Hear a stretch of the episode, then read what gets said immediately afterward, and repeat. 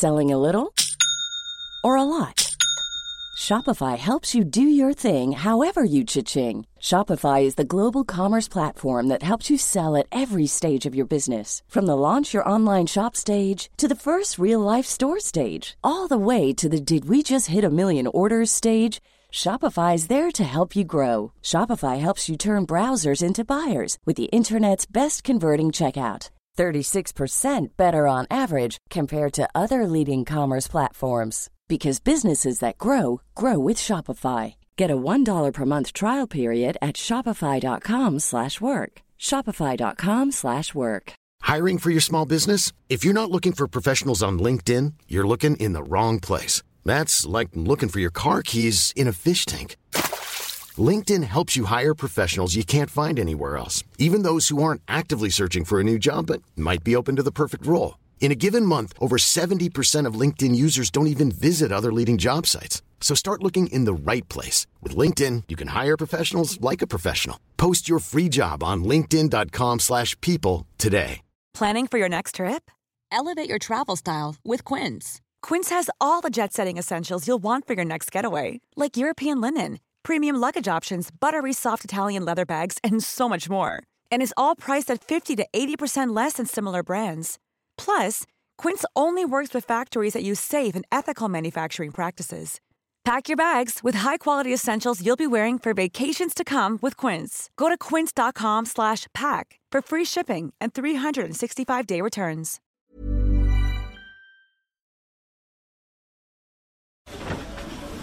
Åge, vi styrer og steller så å si alt utpå her, men vi får ikke hull på byllen. Nei, det var, det var det som var skuffelsen i dag. Altså. Men vi gjør en bra, bra bortekamp. Og som sagt, så, som du sier, så styrer vi mye av det. Og det ja, Kanskje spesielt i første og en del av andre, så, så gjør vi det. Og det, det er jo noe som vi må ta med oss, da, den som spiller mest. Da. Så, så vil de alltid kunne få noe. Sånn som på slutten så får de noen sjanser. Vi begynner å bli trøtte. og og vi har noen, vi også. Så litt bedre kvalitet i den siste pasning. Og, og, når vi kommer rundt, så må vi eh, bli mer presis på den pasningen som skal inn foran mål. Du gjør én endring på laget siden sist. Eh, Eddie får fortsette og gjøre nok en solid kamp? Ja, Eddie er i veldig god form. og Han spiller godt hjemme. og det, Han fortjener å spille. og Han, han er ung og han har tida foran seg. Så det er viktig. og vil jo satse på disse unge guttene. altså Emil og, og Emil og Noah, Eddie, Carlo. Det er gode ballspillere. så det, det skal vi gjøre for, fremdeles. Så, så, får vi bare lade om og se hvem som har friske bein når vi skal opp mot Lillestrøm på, på lørdag. Ett poeng, men jeg hører jo at du er selvfølgelig er skuffa. Eh, vi skulle helst hatt tre for å knappe inn litt på dem foran oss. Men eh, Lillestrøm på lørdag, da? Vi taper fall ikke poeng til noen av lagene. for Hvis det blir uavgjort, så er det status quo. og Taper et lag, så vi henter ett poeng. og, det, og Er det, er det Bodø-Glimt, så er det seks opp. og Da må vi slå dem innbyrdes for å melde oss på. Så det, vi fremdeles så blikker vi oppover, men nå først kikker vi på Lillestrøm. Og, og på Lerkendal så skal vi, skal vi styre den kampen.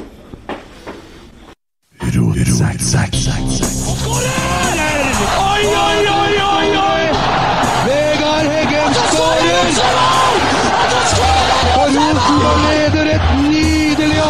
Her.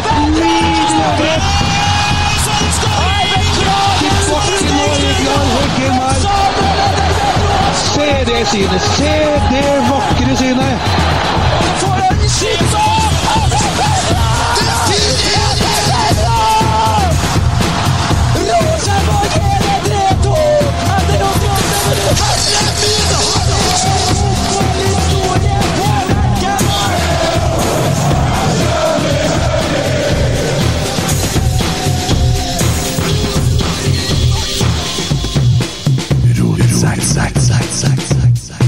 Tommy, du får begynne, jeg har ikke noe i. Jeg kan jo starte med å introdusere gjesten da, med en gang. Skal vi bare kjøre på, eller? Ja, skal ikke vi Jo, jeg ja, bær meg. Jeg lar meg ligge igjen her. Jeg klarer ikke mer. Jeg orker ikke mer. Jeg, jeg er ferdig. Ja. ja, men det er jo hyggelig. Forbanna Adam Andersson. Han burde ha begynt på RBK2. Han skulle han, Nei. Det har ikke gjort det noe bedre. Nei. Han fikk til ett innlegg i dag, han. Ja, ja, ja, men eh, det er jo ikke bare han. Det, vi kan snakke mer om det. Mest han. Mest han, ja. Ja, ta, ta med gjesten, altså ikke Ja. vi sitter og prater bare jeg og du. Dagens gjest han er født eh, 29.07.1957 og er norsk journalist, forfatter, fotballtrener, tidligere fotballspiller og Rosenborg-kjenner. Han har vært, ifølge mine kilder i hvert fall, trener i Ranheim, Varden, Tydal, Nardo og Stjørdalsblink, samt assistenttrener i Ranheim og Irak. Han har vært og er sportsjournalist og kommentator i Adresseavisa og Nidaros, samt journalist i Arbeideravisa, Dagbladet og NRK. Han har skrevet bøker om Arne Larsen Økland, Oddvar Brå, Petter Northug og Nils Arne Eggen blant annet, og har en solid erfaring uh, bak seg i sportens verden. Mye av infoen er henta fra den italienske Wikipedia-sida hans. Dagens gjest er Otto Olseth. Hei, Otto. Har jeg, laga italiensk eh, side? Jeg fant ei italiensk, og så fant jeg ei egyptisk-arabisk. Og så ei norsk. Så det var Ja. Ja, eh, vi sitter nå i studio nå, og på skjermen spilles det seriefinale. Det er faen meg surt for oss eh, med sort-hvitt hjerte. Eh, først, hvordan hvilken farge har du på hjertet? Nei, jeg har mange farger på fotballhjertet mitt. jeg. I dag er det mest ja, Hvilken farge er Lilla er det som er Nardo sin farge? Eh, det vet jeg ikke. Men det er fargen min i dag, for i kveld har jeg vært eh, på bokslipp i Nardo, som er Nardo fotballklubb, som er 50 år. Der har jeg vært trener, som du kanskje nevnte. Uh, ja, så er jeg litt blått. Kanskje mest blått. For Ranheim er kanskje den klubben jeg har vært mest i. Ja, ellers så har jeg med meg noen farger fra alle de klubbene jeg har vært i, for så vidt. Men, men det er klart at jeg jeg liker at Rosenborg gjør det godt, og er kontinuerlig opptatt av at Rosenborg skal gjøre det godt. Altså. For det er, det er viktig for trøndersk fotball, og det er viktig for Trondheim, og det er viktig for Trøndelag og trøndersk idrett. Og, og det er jo artig når de gjør det godt òg. Ja. Uh, du som er forfatter, Glimt, hva betyr Glimt? Synonym til Glimt? Du skal antyde at det er bare et øyeblikk der. Ja, det er et toppen. flash. Det er et sånt Et flash, ja. Ja. Um, ja, nå har de vært her siden 1975, mer eller mindre, da. ja, men det her er toppen de snakker om, eh, som de er, det, der de er nå, det er et Glimt. Ja, jeg tror at det er realistisk for Bodø-Glimt å etablere seg i en ganske lang periode, sånn type topp fire, fem, seks i Norge, ja. Og som tar medalje i serien Men, men hvis du ser på sånn som Stabæk, Strømsgodset, Brann en gang i tida, eh, og så gjør de Nå holder Bodø-Glimt og gjør det samme som Stabæk. Når de ble sånn kjempegode, så bygde de ny stadion, og poff, så var det borte. Ja, eh, men fundamentet i- Bodø er litt annerledes enn de fleste andre. For her, er det, her ligger det en Vet Jeg tror faktisk det er en kultur som i noen grad kan spores tilbake til 1975. Da kom en Harald Dutte Berg tilbake fra Nederland og satte opp laget som spillende trener. Og satte opp laget i 4-3-3, uten at han hadde utvikla det, det mønsteret sånn som, skulle- som Nils Arne og, og sånn skulle komme senere. Men det, det ble lagt noe der allerede da, og de hadde karakteristiske vingspillere. og har hatt hele tida mange av de tingene der. Og så kom en Trond Solid eh, og liksom befesta det der. Og det er jo det de holder på med ennå. Så det, det er ganske solid. Ja, jeg, jeg, jeg leste jo Du har hatt eh, de siste to saker i Nidaros som jeg leste, der du var innpå bl.a. Med, med treneren. eh, Og det, det er jo det store spørsmålet for oss. da Det er jaggu ikke noe mindre nå etter denne her kampen jeg har er, Jeg vet ikke hva jeg skal si om denne Haugesund-kampen akkurat nå. Nei, altså For min del, jeg ser et lag som uh, produserer veldig mye, men som er fryktelig unøyaktig på siste tredjedel. Uh, Ja, men det det, det, Men så- var jo etter 60 minutter, så så jo hele gjengen sluttkjørt ut, Tommy. Ja, men en tung og vanskelig bortebane å komme på, og det, det er en bane som vi har slettet uh, i mange, mange år. Det, vi er ikke der å bare plukke en enkel trepoenger, det har vi ikke gjort på flere Nei, Vi har vunnet to ganger siden 2010 der, men, eh, men, men med det spillet som vi leverte bl.a. På, på søndagen, så skulle jo tro at vi kommer inn på det her med litt guts, men de første ti minuttene har jo Haugesund, og så tar vi fullstendig over. Ja, siste, siste 35 så er det jo egentlig bare utur og lite nøyaktighet som gjør at eh, vi ikke går opp til en 1-0. Og jeg tenker, hadde vi fått eh, en goal i første omgangen der, så da har vi tatt det. Men eh, det er klart at når vi ligger og maler og maler, maler, maler, og de kan ligge bak og bare forsvare seg, så Jo, men, altså, her står jo Her har vi mulighet til å melde oss på en kamp. Vi har, og det har vi ikke lenger nå. Du hører en Åge i intervjuet. Det, det, er jo, det, er jo, det er jo øh, natta. Og, og sånn som det ser ut som holdningene, skuldrene, alt det Jeg forstår det ikke. Nei, men det er litt sånn gjengs over hele sesongen. Altså, vi har hatt uh, muligheten til å knappe inn uh, avstand tidligere, og, og på en måte i hermetegn svikta i de avgjørende øyeblikkene, og det får vi igjen for nå. Vi mister poeng mot lag vi egentlig skal slå, og, og da, da er vi der vi er. Da er vi på en tredjeplass, mest sannsynlig kanskje en fjerdeplass i morgen. Og um, Ja, altså Mjøndalen raserte jo Kristiansund i dag. Så de er jo litt kobla av igjen. Ja, men da er Brann faktisk eh, Brann eh, Hvem kobla av? Kristiansund. Ja, ja, men eh, jeg tenker Brann, ja. De ligger to poeng over nederst, altså direkte nedrykk, og to poeng foran Mjøndalen, bare. Og de har jo alt å slåss for i morgen, så det er jo et lite håp, da, mot, men Viking er god, vet du. Viking er dritgod. Men det er litt det samme med Viking. eh, Begynte å få til nå som eh, med Bjarne Berntsen, og nå de nye trenerne han Morten og han eh, Ah, hva heter han som Den gamle ja. Jeg husker ikke hva de heter, men i hvert fall altså, de, de må ha vært trofast mot et system over tid og fått inn typene og, og vært trofast mot en spillestil. Ja, bla, bla, bla. ja. Viking, kjempebra. Men Ja. også når du ser det du ser på kampen i dag, og så sitter Per Siljan på benken. Og så ser du, altså, og for all del, Edvard Tagseth Mm. Han minte meg faktisk om Antony Annan. i dag. Det var ikke noe som kom forbi han. Han var dritgod! Han er helt klart banens beste spiller i dag. Ja, Det er jo ikke en diskusjon engang. Nei, og det er godt å se. Ja. Og så tenker jeg da, er det sånn da kanskje at det er så mye unggutter at det blir ustabilt? At det, at det, det trenger litt tid for Ja. å stabilisere seg nivået? Nei. Eh, stabile prestasjoner i fotball eh, offensivt oppnås gjennom et fast mønster med faste spillere i de samme rollene gang på gang, på trening og i kamp, som spiller sammen med de samme, og øver inn de samme på forhånd bestemte bevegelsene. Det er det som gir mest stabilitet eh, i, i angrepsspillet. Mm. Men altså, sånn som Markus Henriksen, jeg vet ikke om du så den kampen når han eh, ble jo utvist. Ja. Og Du ser jo at han er jo kamprusten eh, og var sein. Og, og jeg opplever jo altså Han har jo noe bra i dag, men altså, sånn som Siljan har briljert etter at han har kommet tilbake nå, så er det jo helt merkelig for meg at vi ikke starter med nøyaktig samme elveren som sist. Ja, Det kunne jo være en god grunn som men jeg er enig med at Siljan var god nå sist eh, mot Sandefjord som indreløper. Mm. Ja, og det var jo det det det han, eh, det det han eh, er, vet du. Det er det han det, Han hatt en indreløper i seg bestandig. Den fikk han jo ikke dyrka i, i Berlin heller.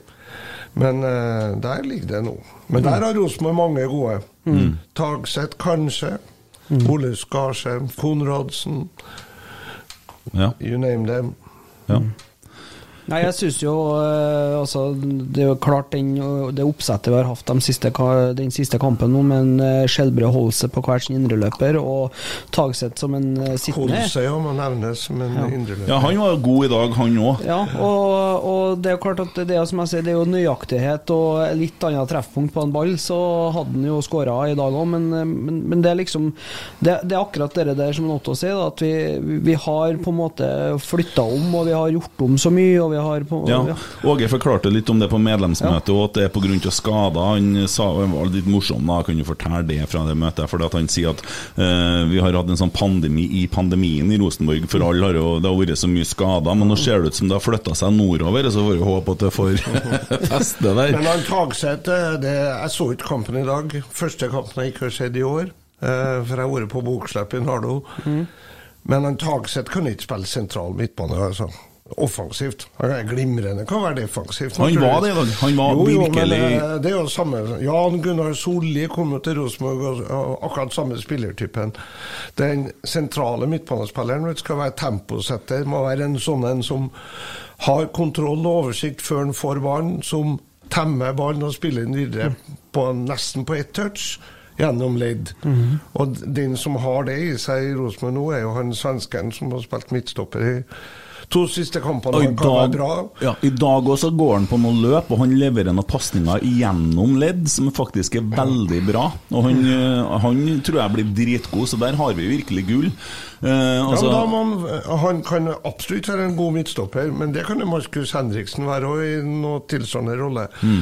Men eh, han må spille midt på banen i, sentralt, og så må de Mm. bygge rundt han. Men, men eh, når du skriver her, her eh, innlegget ditt, så var det jo i forhold til det med frelseren, hvis ikke jeg husker feil, og eh, Knutsen ingen frelser, og at han ikke kan komme hit og gjøre det alene. Og så lanserer jo du en mann, og jeg vet ikke om noen andre som har lansert han før, har du hørt det du, Svein Målen? Har du hørt noen nevnt det? Ja, Det er jo han andre fotballeksperten i det studioet her, da.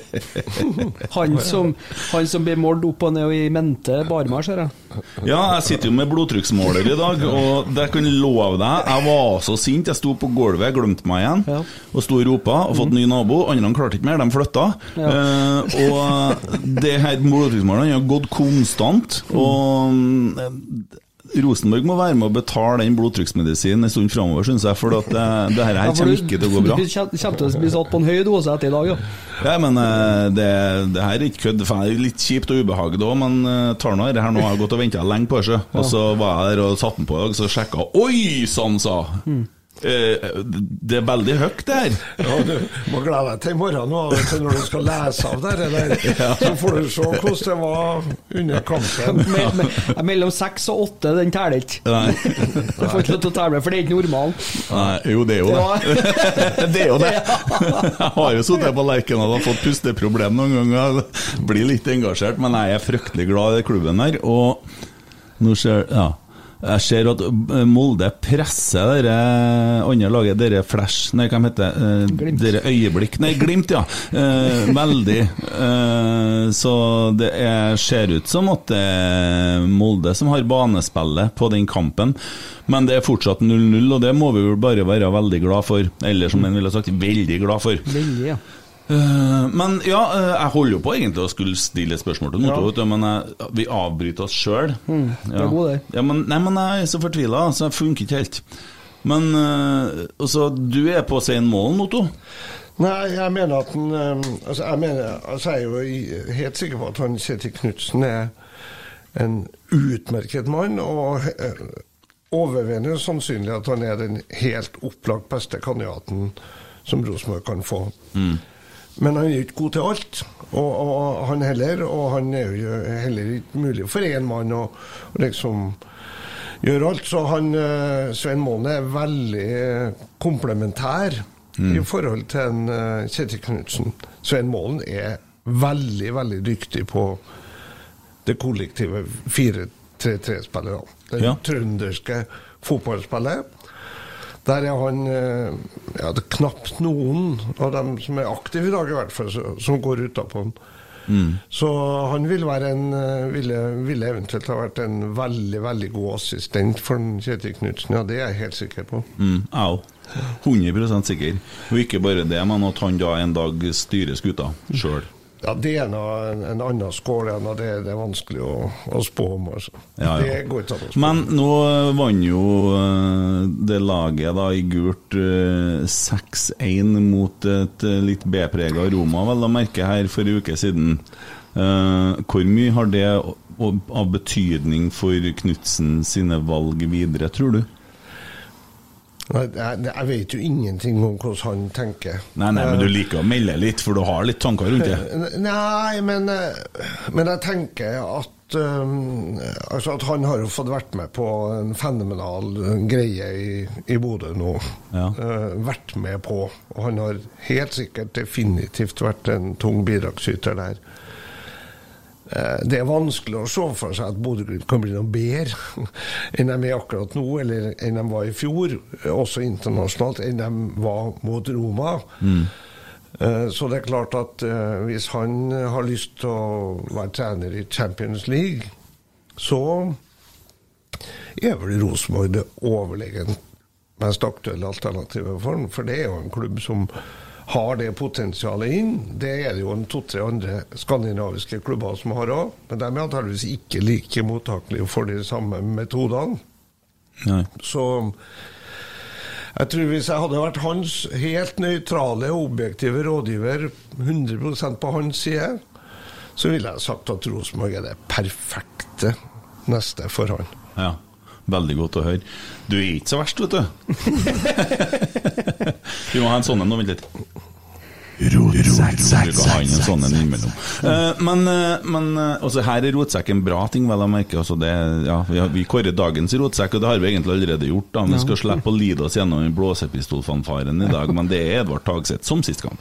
Men eh, hva var det jeg skulle hen- Jo, og bare en digresjon. Jeg sitter og krangler litt mer nordlendingene på Twitter, mye. Og så kom det opp ei sånn skjorte, så skriver det, sto det 'Det skal de ha, Roma', de prøvde med bilde av Knutsen. Men dere der er jo en gammel Eggen-quote, og så er det noen som sier nei, det er bare dikta opp. Jo, det er noen som sier at nei, det står i boka hans, men du har nå skrevet Ja, men jeg, vet du, jeg er faktisk litt i tvil, jeg òg.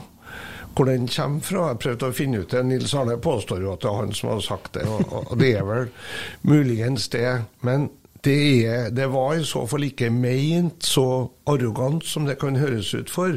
Fordi at det han snakka om, var da et Real Madrid som kom til Lerkendal uten å legge seg bakpå, uten å liksom ta for mye hensyn til motstanderen, hvilket også naturligvis var noen grunn til at Rosenborg slo dem.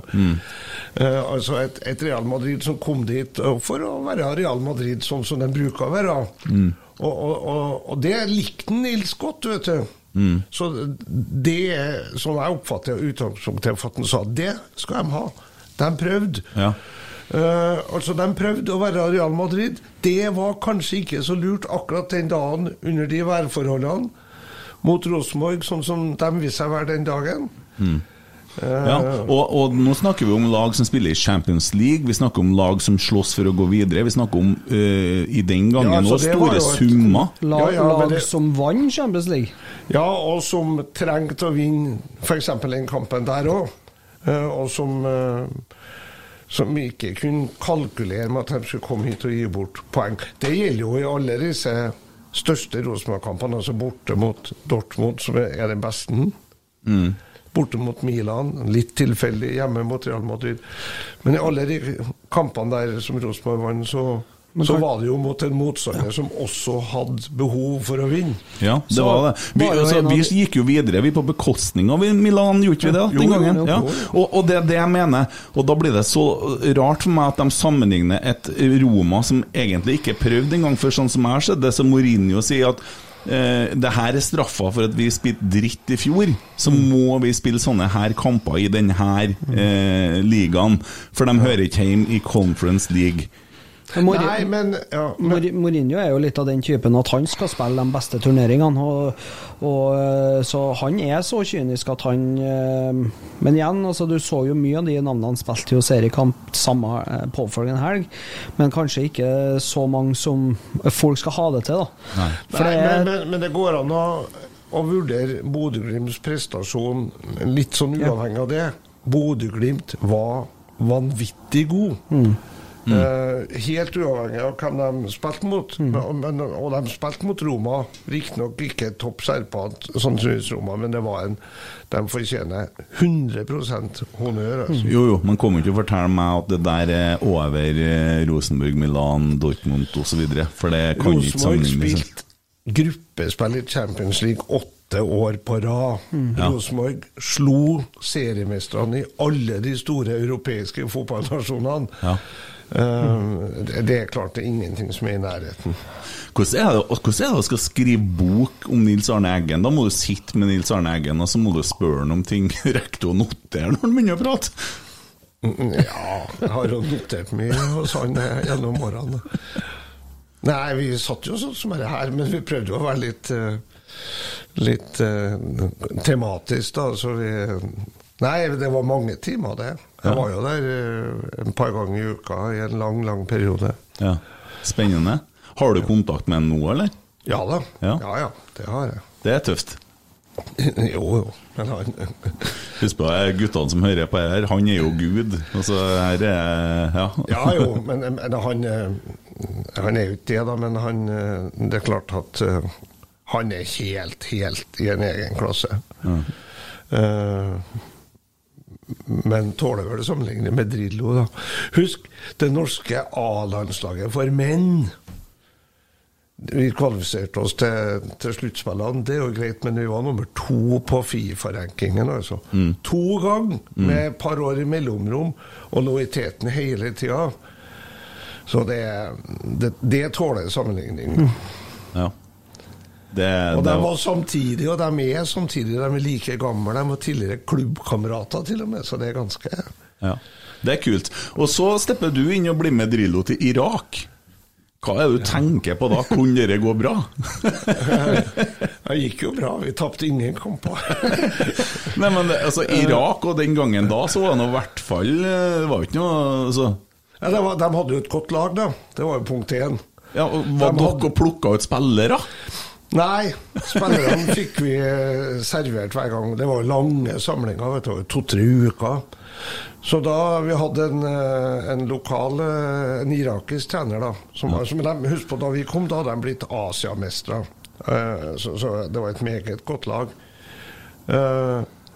Så de kom jo med den troppen, og så kom det jo noen nye. Og så, så etter hver samling så hadde vi jo en gjennomgang med han irakeren, Rahim het han. Eh, og, og han foreslår ja, vi har en litt stor spiss nedi som spiller i Iran, kanskje vi skal ta med han neste gang. Så har vi en som spiller i Egypt, som er kanskje Ja, kom med dem, sa vi liksom. Ja. Så, men vi drev ikke og fulgte irakisk hjemlig liga, nei. Nei, nei, men nei, ikke sant for det. Men eh, hvordan var dere der? Var Saddam Hussein ennå da? Nei, han var men, han, men, men rester av kulturen var jo der. Ja. Sånn at uh, vi, vi kom jo vi, vi kom jo til et land som hadde kvitta seg med en despot og hans regime, eh, og som var i en borgerkrigslignende tilstand. Jeg hadde vært det, i hvert fall. Og, og som på en måte følte at de var invadert av amerikanerne. Så det var ganske spes i det, altså. Og han, sønnen til Saddam Hussein han hadde jo vært eh, idrettsminister. En ganske, du kan si ganske original, men en helt jævlig sak, naturligvis. Han hadde jo i det olympiske hovedkvarteret i Bagdad, så var det en egen etasje med glattceller. Ja. Der eh, irakiske idrettsutøvere havna hvis de hadde vært ute og vanæra landet. Ja. Så vi hadde jo en keepertrener som hadde spilt på landslaget, og som hadde vært keepertrener i mange år, og som hadde sittet noen og 50 døgn til sammen på glattcelle. Hmm, det får meg til å tenke som straff for dårlig keeperspill. Angivelig. ja, Kunne vi kanskje ha satt ledig så lånt noe rom på tunga til Nei. Hvis de ikke, ikke spiller ordentlig. Ja, Jeg jeg tror eh, jeg skal lytte til Nils Arne Eggen også på det området, som sier det går ikke an å skremme noen til å være god. Nei. Det går ikke an. Nei. Nei. Eh, Det hadde de prøvd nedi der, da. Ja. Vi har prøvd en gang her med Adam Andersson, jeg lurer på om det kanskje gikk dårlig. Ja. Det ryktes at han har hørt det, det greiene. Vi legger oss jo langflat på det. Ja, vi skal ikke holde på sånn. Nei, Men løft nå ballen over dere før Nå begynner det her igjen. Nå begynner, du sa det har holdt at du sa Adam, så begynte det å stramme seg. Du tåler ikke noe mye før Jeg kom innom Haugesund-kampen, så begynner det her å passe seg opp. Forbanna. Men eh, altså, er ikke det skummelt å dra til Irak, da? Der, Ja, Vi var ikke i Irak, da. Nei. Eh, nettopp av den grunn. Eh, Nei, altså, Dette var jo et prosjekt i regi av det norske utenriksdepartementet. Det var jo liksom norske bidraget til gjenoppbygging av Irak. At vi skulle bidra til et fotballandslag som kunne samle nasjonen. Det gjorde det jo for øvrig fra før vi kom, naturligvis. Og som der både kurdere, shia og sunnimuslimer faktisk spilte. Eh, Men vi hadde ikke lov eh, å reise inn i Irak. Eh, Irakerne var jo litt sur for det, men Drillo ville vært et opplagt objekt for kidnapping Jo, jo. der. Ja. Så det var aldri aktuelt. Og det var vel kanskje, kanskje grunnen til at vi fikk fyken òg. Ja. Det var i hvert fall ikke resultatene, for de var gode. Ja. Men, eh, ja, og du var med der som hjelpetrener og, og coacha og Ja, jeg var tradisjonell assistent. Ja. Eh, hvordan får du Hadde dere fast lønn, eller hvordan var det? Ja, ja. Den kom på datoen. Den. Gjorde den det? Ja, ja. Så alt er i orden der? Ja, ja, alt var i orden, bortsett fra etter at vi fikk sparken. Da hadde de jo ikke tenkt å betale oss lønn ut kontraktsperioden, da. Nei. Men det måtte de. Ja. Det sørga Fifa for. Ja. Med renter, til og med. ja, akkurat. Jeg så for meg det var ISAF som måtte inn og sørge for det. Nei, ISAF-soldater. Fifa. Ja. Det var faktisk sånn at de fikk beskjed fra Fifa at de ikke fikk delta i neste VM-kvalifisering, for de hadde gjort opp med oss. Ja, akkurat. Men det var flotte folk. Flotte folk. Ja. Både spillere og, og de trenerne vi hadde med oss. Altså en, en annen assistenttrener da, og en keepertrener. Og suverene folk, altså. Mm. Det er jo eh, et eventyr å få være med på. Ja, helt spesielt. Men, men fotball er fotball, altså. Som Dag Solstad har så klokt sagt. Og fotballspillere er fotballspillere. og det jeg var jo fotballtrener i Tydal en gang i tida. Jeg vet ikke om du nevnte dem? Jo da, Tydal Tydal var ja. det, det var litt spesielt, for at på den norske sida så sto det ingenting om det, men på den italienske sida derimot, så Ja. var Nardo og Tydalen og Varden Ja, jeg var i Varden. Ja, det var nevnt. Ja. Så de gjorde bra research, italienerne. Ja. Tromsø nevnte det? Ja, ja, men. Ja. Men jeg var fotballtrener i Tydal en gang. i tida. Tydalen hadde et godt lag. Ja. Eh, og jeg, har jo alltid, jeg sa det når vi var nedi der òg, og har sagt etterpå at det var stort sett de samme typene i Irak som i Tyran. Ja. Men eh, Tromsø, der var du hva, hva var, var du hovedtrener der? Ene året, ja. Ja. Ene året var jeg sammen med Per-Mathias, og andre året var jeg hovedtrener. Ja. Ja, ble han sykemeldt? Nei da, han, eh, han hoppa av. Ja, det, det gjorde han jo her òg. Ja. Ja, her ble han jo sjukmeldt, da. Ja. Jeg skulle jo ha skrevet bok om Rosenborgs historie, så hadde det blitt et tynt kapittel med Per-Mathias Høgmo. Han var veldig bra til å begynne med, vel. Ja. Jo, var kanskje det. Ja, Ja, ja. Per Messias kalte de ham jo. ja stemmer det. Ja, for Det var ganske dårlig da han kom, vet du, så det var jo litt rom for fremgang. Men det var veldig bra den høstsesongen. vet du. Mm. Jo, det kan stemme. Var det 2006, kanskje? Det Når, var det nok, kanskje. når Brann begynte å lage øl, gulløl, og så ble det ikke bruk for det? Nei. Stemmer bra, det, for at eh, påfølgende sesong så kvalifiserte de jo seg til Champions League. Og da spilte de mot eh, et spansk lag, Ja, Valencia. ja Og der stemmer. var jeg, borte. Ja. Det var prestasjon. Det var prestasjon jeg aldri Det var første gangen på en europeisk stadion, og Mestaya er jo veldig spesiell, for den er så vanvittig bratt. Så jeg sa jo det at eh, hadde vi hoppa litt utover, så hadde vi jo landa 20-30 rader lenger ned. For det var, det var altså så mye trapper. Og vi Ja. satt jo øverst oppi et hjørne der, da. Men det var litt, eh, det var litt spesielt. Mm.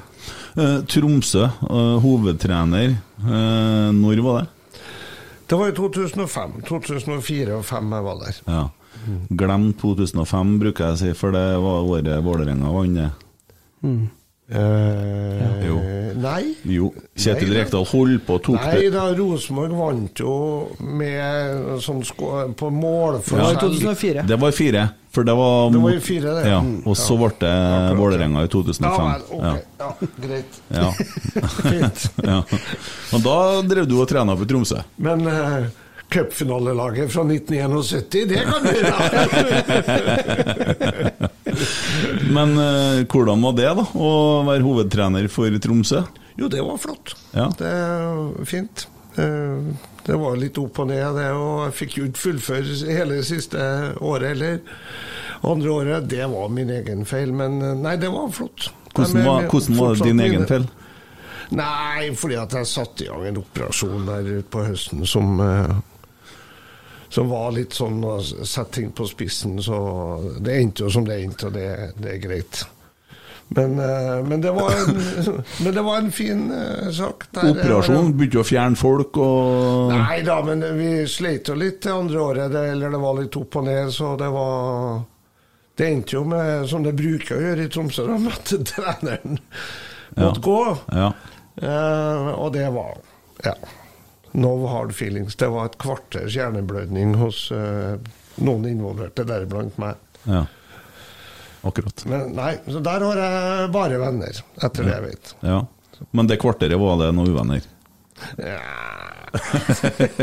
Knapt nok. Ja, har du noe kult å fortelle fra Tromsø? Er det noe eh, Ja, det var jo mye. Vi hadde jo godt lag, da. Ja.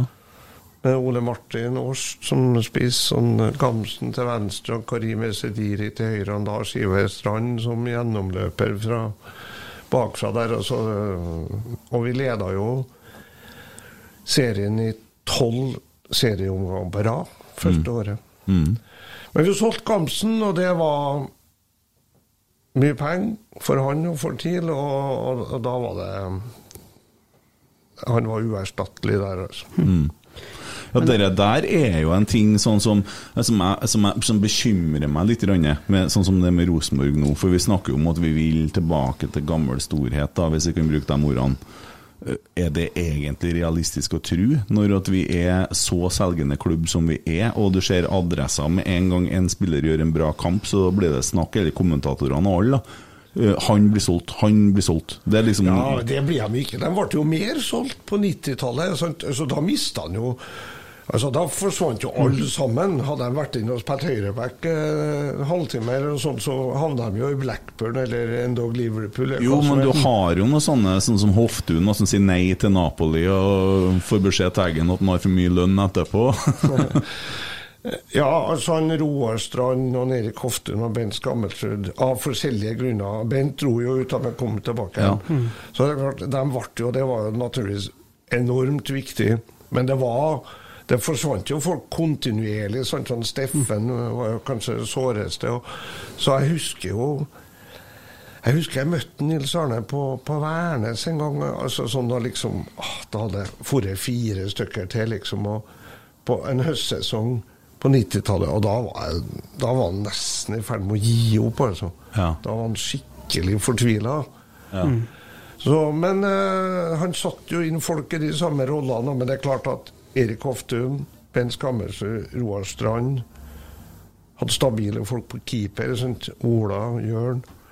Mm. Det, um, men ellers så var det jo De forsvant jo alle sammen. Ja, de gjorde kanskje det. Jeg husker det som noe annet. vet jo og kikka litt på det der. Jeg er jo litt glad i å sitte og nerd på sånn eh, statistikk. Og, og du ser jo det at det er jo et hav som forsvinner hver eneste sesong. Det er minimum to-tre spillere, kanskje fire, som forsvinner etter hver eneste sesong i hele den suksessperioden. Jo, det er altså- store navn. Det er Bjørn Otto Brakstad, Jan Derek Sørensen, Jon Carew. Også det er alle de store navnene, da, de forsvinner. Og Ja, og det, skal bygge på og det er ikke fullt så store navnene nå, for det Ja. var Jon Olav Gjelde og Ståle Stensås. Alle er altså glimrende fotballspillere. Trond Egil Soltvedt. Alle! Mm. Det var bare dem vi nevnte. Som, eh, og Sigurd Rushfeldt og alle dem som var innom og, sånt, og gjorde det godt. Kom Mm. jo tilbake igjen. Og Harald Brattbakk kom jo tilbake igjen. Ståle Stensås. Ja da. eh, Til og med Mini ble jo solgt, og bort i Young ja, ja. Ørjan. Ja, ja. Sånn at eh, det var jo egentlig bare de treene som vi nevnte i sted, i den storhetsperioden. Men det er klart de var enormt viktige, da. Ja. Ja, de hadde Jon Carew i en sesong. kjøpt for 14, Men det var jo nesten, Nei, nesten kalkulert, har jeg inntrykk av. For det var jo snakk om nesten med en gang han kom. Ja, at det var det, sånn. det, det er riktig. Ja. Så det såreste var jo da Steffen forsvant så tidlig, og han var jo vanvittig god, da. Mm. Han. Han var lei seg sjøl i Milan. eh, Andre han for hjem, og han for til Tottenham. Ja, men han var kanskje på det aller, aller, aller beste da, like før han dro fra Rosenborg. Mm. Det er jo i så fall litt til ettertanke. Ja. Ja, for Jeg har ikke liksom det like store problemet. Se nå at en eh, Emil da forsvinner fra Rosenborg om tre-fire år, da. For å si det på den Han måten Han sier at han skal være i Rosenborg ut sesongen her og en sesong til, for han vil vinne vin, vil vinne gull med Rosenborg før han drar. Ja. Og han føler at han skylder klubben det. Det sa han i Rasmus' saga. Mm. Ja, ja, men altså Det er jo sånne ting du ønsker deg, sant? Du ønsker ikke at Emil nå skal få Nå har han jo fått et lite minigjennombrudd nå, sammen med Noah. Han har riktignok ikke spilt så bra i det siste, men Det at han skal spille bra i én sesong eller en og en halv, og sånn som en Morsaga Bakenga, han spilte jo en halv sesong, kanskje ti kamper bra, og så blir han solgt. Ja. En vil jo se ungguttene eh, blomstre og bli litt lenger. Bakenga ødela karrieren sin litt Ja. med at han hver plass han har vært, så han kommet seg litt, så, skal, så blir det snakk om salg. Han Mm. kunne ha altså, han, Sånn som jeg sa når han var i Odd, han burde jo bare ha vært der. Mm. Han var jo god. Ja. Men nå fikk han jo en sånn siste sjanse til å komme seg igjen i Men, men husk at ja, men altså, det, det er jo klart det. Og det, og det var jo mange og såre og, og, oppgjør da når folk dro. Da Mm. Vegard Heggem dro og sånt. Og, jeg og Vegard har snakka mye om det. Han syns ikke jeg var snill, men i, i avisa den gangen. Nei. Og det, det har vært mange sånne, men jeg, jeg husker hva Morten Haps Pedersen sa den dagen, da de hadde fått han og vi da hadde fått tilbud fra, fra Blackburn og hans tilfelle. Sånn, vi ville jo beholde den. Og hadde vi beholdt den, så hadde Tromsø vunnet sånn, Kanskje sannsynligvis vunnet serien det året. Så kom han inn på kontoret mitt, og så satte han seg så sånn Ja, hva hadde du gjort? da, sånn? Hvis du har blitt tilbudt 20 millioner for å spille i Premier League? Ja. Ja, det er klart. Hva gjør du da? Så det er, de er et part of it, altså. Så noen av dem du nevnte i sted, Vecchia, Seide, Holm. Noah Holm Jeg vil si han derre Varic, og det er en opplagte um, objekter som det, Sånn er ja. Men banens beste, Men, to jeg- kamper på rad. men jeg er kjempeenig med deg at uh, det er jo ikke vår eller klubben eller omgivelsenes oppgave å, å stresse det der, da. Og så er vel kanskje Det var jo en periode hvor norske spillere var veldig ettertrakta, og hvor det var liksom markedet for engelske klubber. Mm. Nå er det Tyrkia som Ja, de, har de er jo i mye større grad worldwide nå, sant? ja. Tyrkia og Men det, er pro det, det problemet har jo blitt større. Fordi at eh, jo eh, Basma snakka litt om eh, RBK2 her om mandagen på medlemsmøtet. Han ble jo, da. Ja, han ble. Men uh, Leo Gjelde uh, og, ja, og så videre og så videre. Spillere som ikke rekker å komme seg, for de blir henta til andre klubber fra akademiet. Og da er det faen meg håpløst, altså. Ja, det er jo helt uh, fortvila. Ja. Men, uh, men jeg, jeg, jeg vet ikke hva du gjør med det. Altså, nå spiller jo en i Venezia. Eh, Ja, En er ganske aktuell for å bli flytta opp i Asal til Feyenoord, i en Sondre Skogen. Jo, men signalene, sånn som Odin Holm går ut og forteller da, at han kunne ikke bli i Rosenborg fordi at det var bedre for han å gå til Vålerenga og uttale seg om treningskultur i Rosenborg, det har han ingen forutsetninger for å mene om heller. Men ser for deg det under Nils Arnes i tid, at en spiller skal Jeg vet jo at det sitter satt spillere på et kontor her òg og skal garantert spilletid før de signerer. Se for deg at det blir gjort til Nils Arne, at du skal Men det viktigste er at på 90-tallet så slapp treneren å diskutere med faren. Ja. Eller mora. Eller agenten til dels. Agentene kom jo litt av, sant? det var jo noen konflikter der. Da han Steffen forsvant og sånn, så hadde han jo en agent som, som Nils ikke var helt fornøyd med. Den anledning i hvert fall. Men det er, det er helt annen tid, altså. De, eh, og det er vanskelig å kritisere dem for det, for det er store penger. Men, men de er jo, eh, disse foreldrene de er jo førstegangsforeldre, stort sett.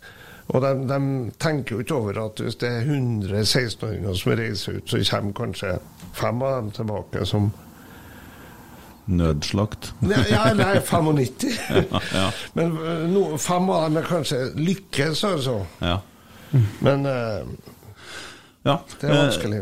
Eh, ja. Rent sportslig så er det klart at de bør gå trappa trinn for trinn. Mm. det er ikke bare sportslig. Du snakka jo òg litt om det i en reportasje om eh, Nå begynner den igjen. eh, eh, om, eh, om herre her med at Rosenborg, eh, Botheim osv. Ja. spillere som har gått ut, og så forsvarer du det litt, for det, det, det har vært noen runder før òg. der Nils Arne Eggen ikke så Ole Gunnar Solskjær osv. eh. Ja, eller Erik Hoftun, eller en Harald Brattbakk, eller en Roar Strand. Du må ikke tro at da de dro til Molde eller Bodø-Glimt eller sånn, så var det ikke sånn at Nils Arne da sa at ja, men jeg kommer tilbake om ett år eller om to år, og da skal vi se. Jeg håpa på det, naturligvis, men de ble jo sendt bort fordi at de ikke var gode nok. Og ingen kunne vite om de ble det, og når de ble det. Sånn at jeg hørte ingen i Rosenborg, og jeg hørte ingen i Ranheim som har protestert da han, eh, Ola Solbakken forsvant fra Rosenborg til Ranheim, eller fra Ranheim til Bodø-Glimt. Um, og så kan man si er det dem som da ikke protesterte, altså da på en måte ikke så iboende ferdigheter sin feil. Nei, det var kanskje han som ikke presterte godt nok. Ennå da, da. Eh, og, og det er jo Sånn er det. Går jo røkkene på det. Det er faktisk vanskelig å spå om framtida. Ja, og Men, vi- og han Botheim har jo fått sjansen i Stabæk, har fått sjansen i Rosenborg. og- Men kan det være en idé for Rosenborg i større grad, eh, hvis du på en måte har en spiller da som i hermetegn er for god til å spille RBK2? Eh, gjør sånn som med en eh, Brattbakk nå, Ja. med en Kamenzi, med en eh, Emil Seid. Låner dem ut til et Obos-lag, kanskje. Ja, gjør som med Skarsheim, da. Uh, Ja, det- det har jo vist seg å være en, et genitrekk, da, at de selger en spiller litt rimeligere og sier at vi innen da så skal vi ha muligheten til å kjøpe en til samme sum tilbake. Kan det være veien å gå, som de største klubbene gjør? Real Madrid er jo Ja, det- stor bare. Ja, men det er ingen klubb som gjør det når de tror at vedkommende er god nok, eller snart blir god nok for eget A-lag. De gjør dette med 10 eller 15 eller 20 spillere, det er en egen del av virksomheten. Og så håper de at noen av dem skal komme tilbake. Som, som Rosenborg har gjort med suksess da, historisk, og, og kanskje nå òg. Sånn at du kan jo si at feilen med Solbakken er kanskje at det ikke ble sikra en sånn opsjon. Uh, som det antageligvis ikke ble da. Men uh, rekk opp hånda, vil jeg si, den som protesterte da han gikk fra Rosenborg til Ranheim, eller fra Ranheim til Bodø-Glimt. Ja, Jeg kjenner jo, har jo diskutert med flere Rosenborg-supportere som òg var i miljøet rundt Rosenborg og Ranheim i den tida og, og så mye kamper, og de sier jo det at det var ingen som så for seg det at han skulle bli en starter. altså det var jo litt sånn de, Det var jo folk som stussa litt når han ble signert som en erstatter for Jens Ja. Hauge Sinkernagel.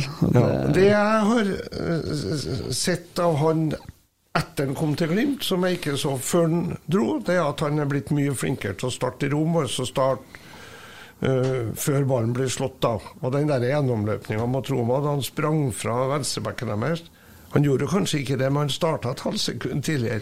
Det, der har han, jo- det er jo der han har utvikla seg. Og veldig bra. Jeg nikker, men jeg ser jo ikke på sånne kamper. Nei, det gjør ikke det. nei, nei, Du, er, du er hvit og svart. Ja. Og det er det som gjør og der står det stor respekt Ja, nei, men så hvis det plutselig Så Jeg vet ikke hvem som sender Conference League heller, for jeg bryr meg ikke så mye om det i år. Men uh, hvis de plutselig får én seer mer, da, så kan det hende at noen tror de er gode, men det der er jo folk som har bare 3000 stykker på stadion sin. Mm. De skal bygge seg en ny stadion nå til ti- med plass til 10 000. Skal, skal de gjøre det i Bodø? Ja, ja. Med nytt kunstgress med naturgress på taket. De er sånn eh, innovativ og miljøvennlig, så de tar dyrka matjord og bygger stadion på. Det høres ut som du følger ganske godt med av det som skjer i Bodø.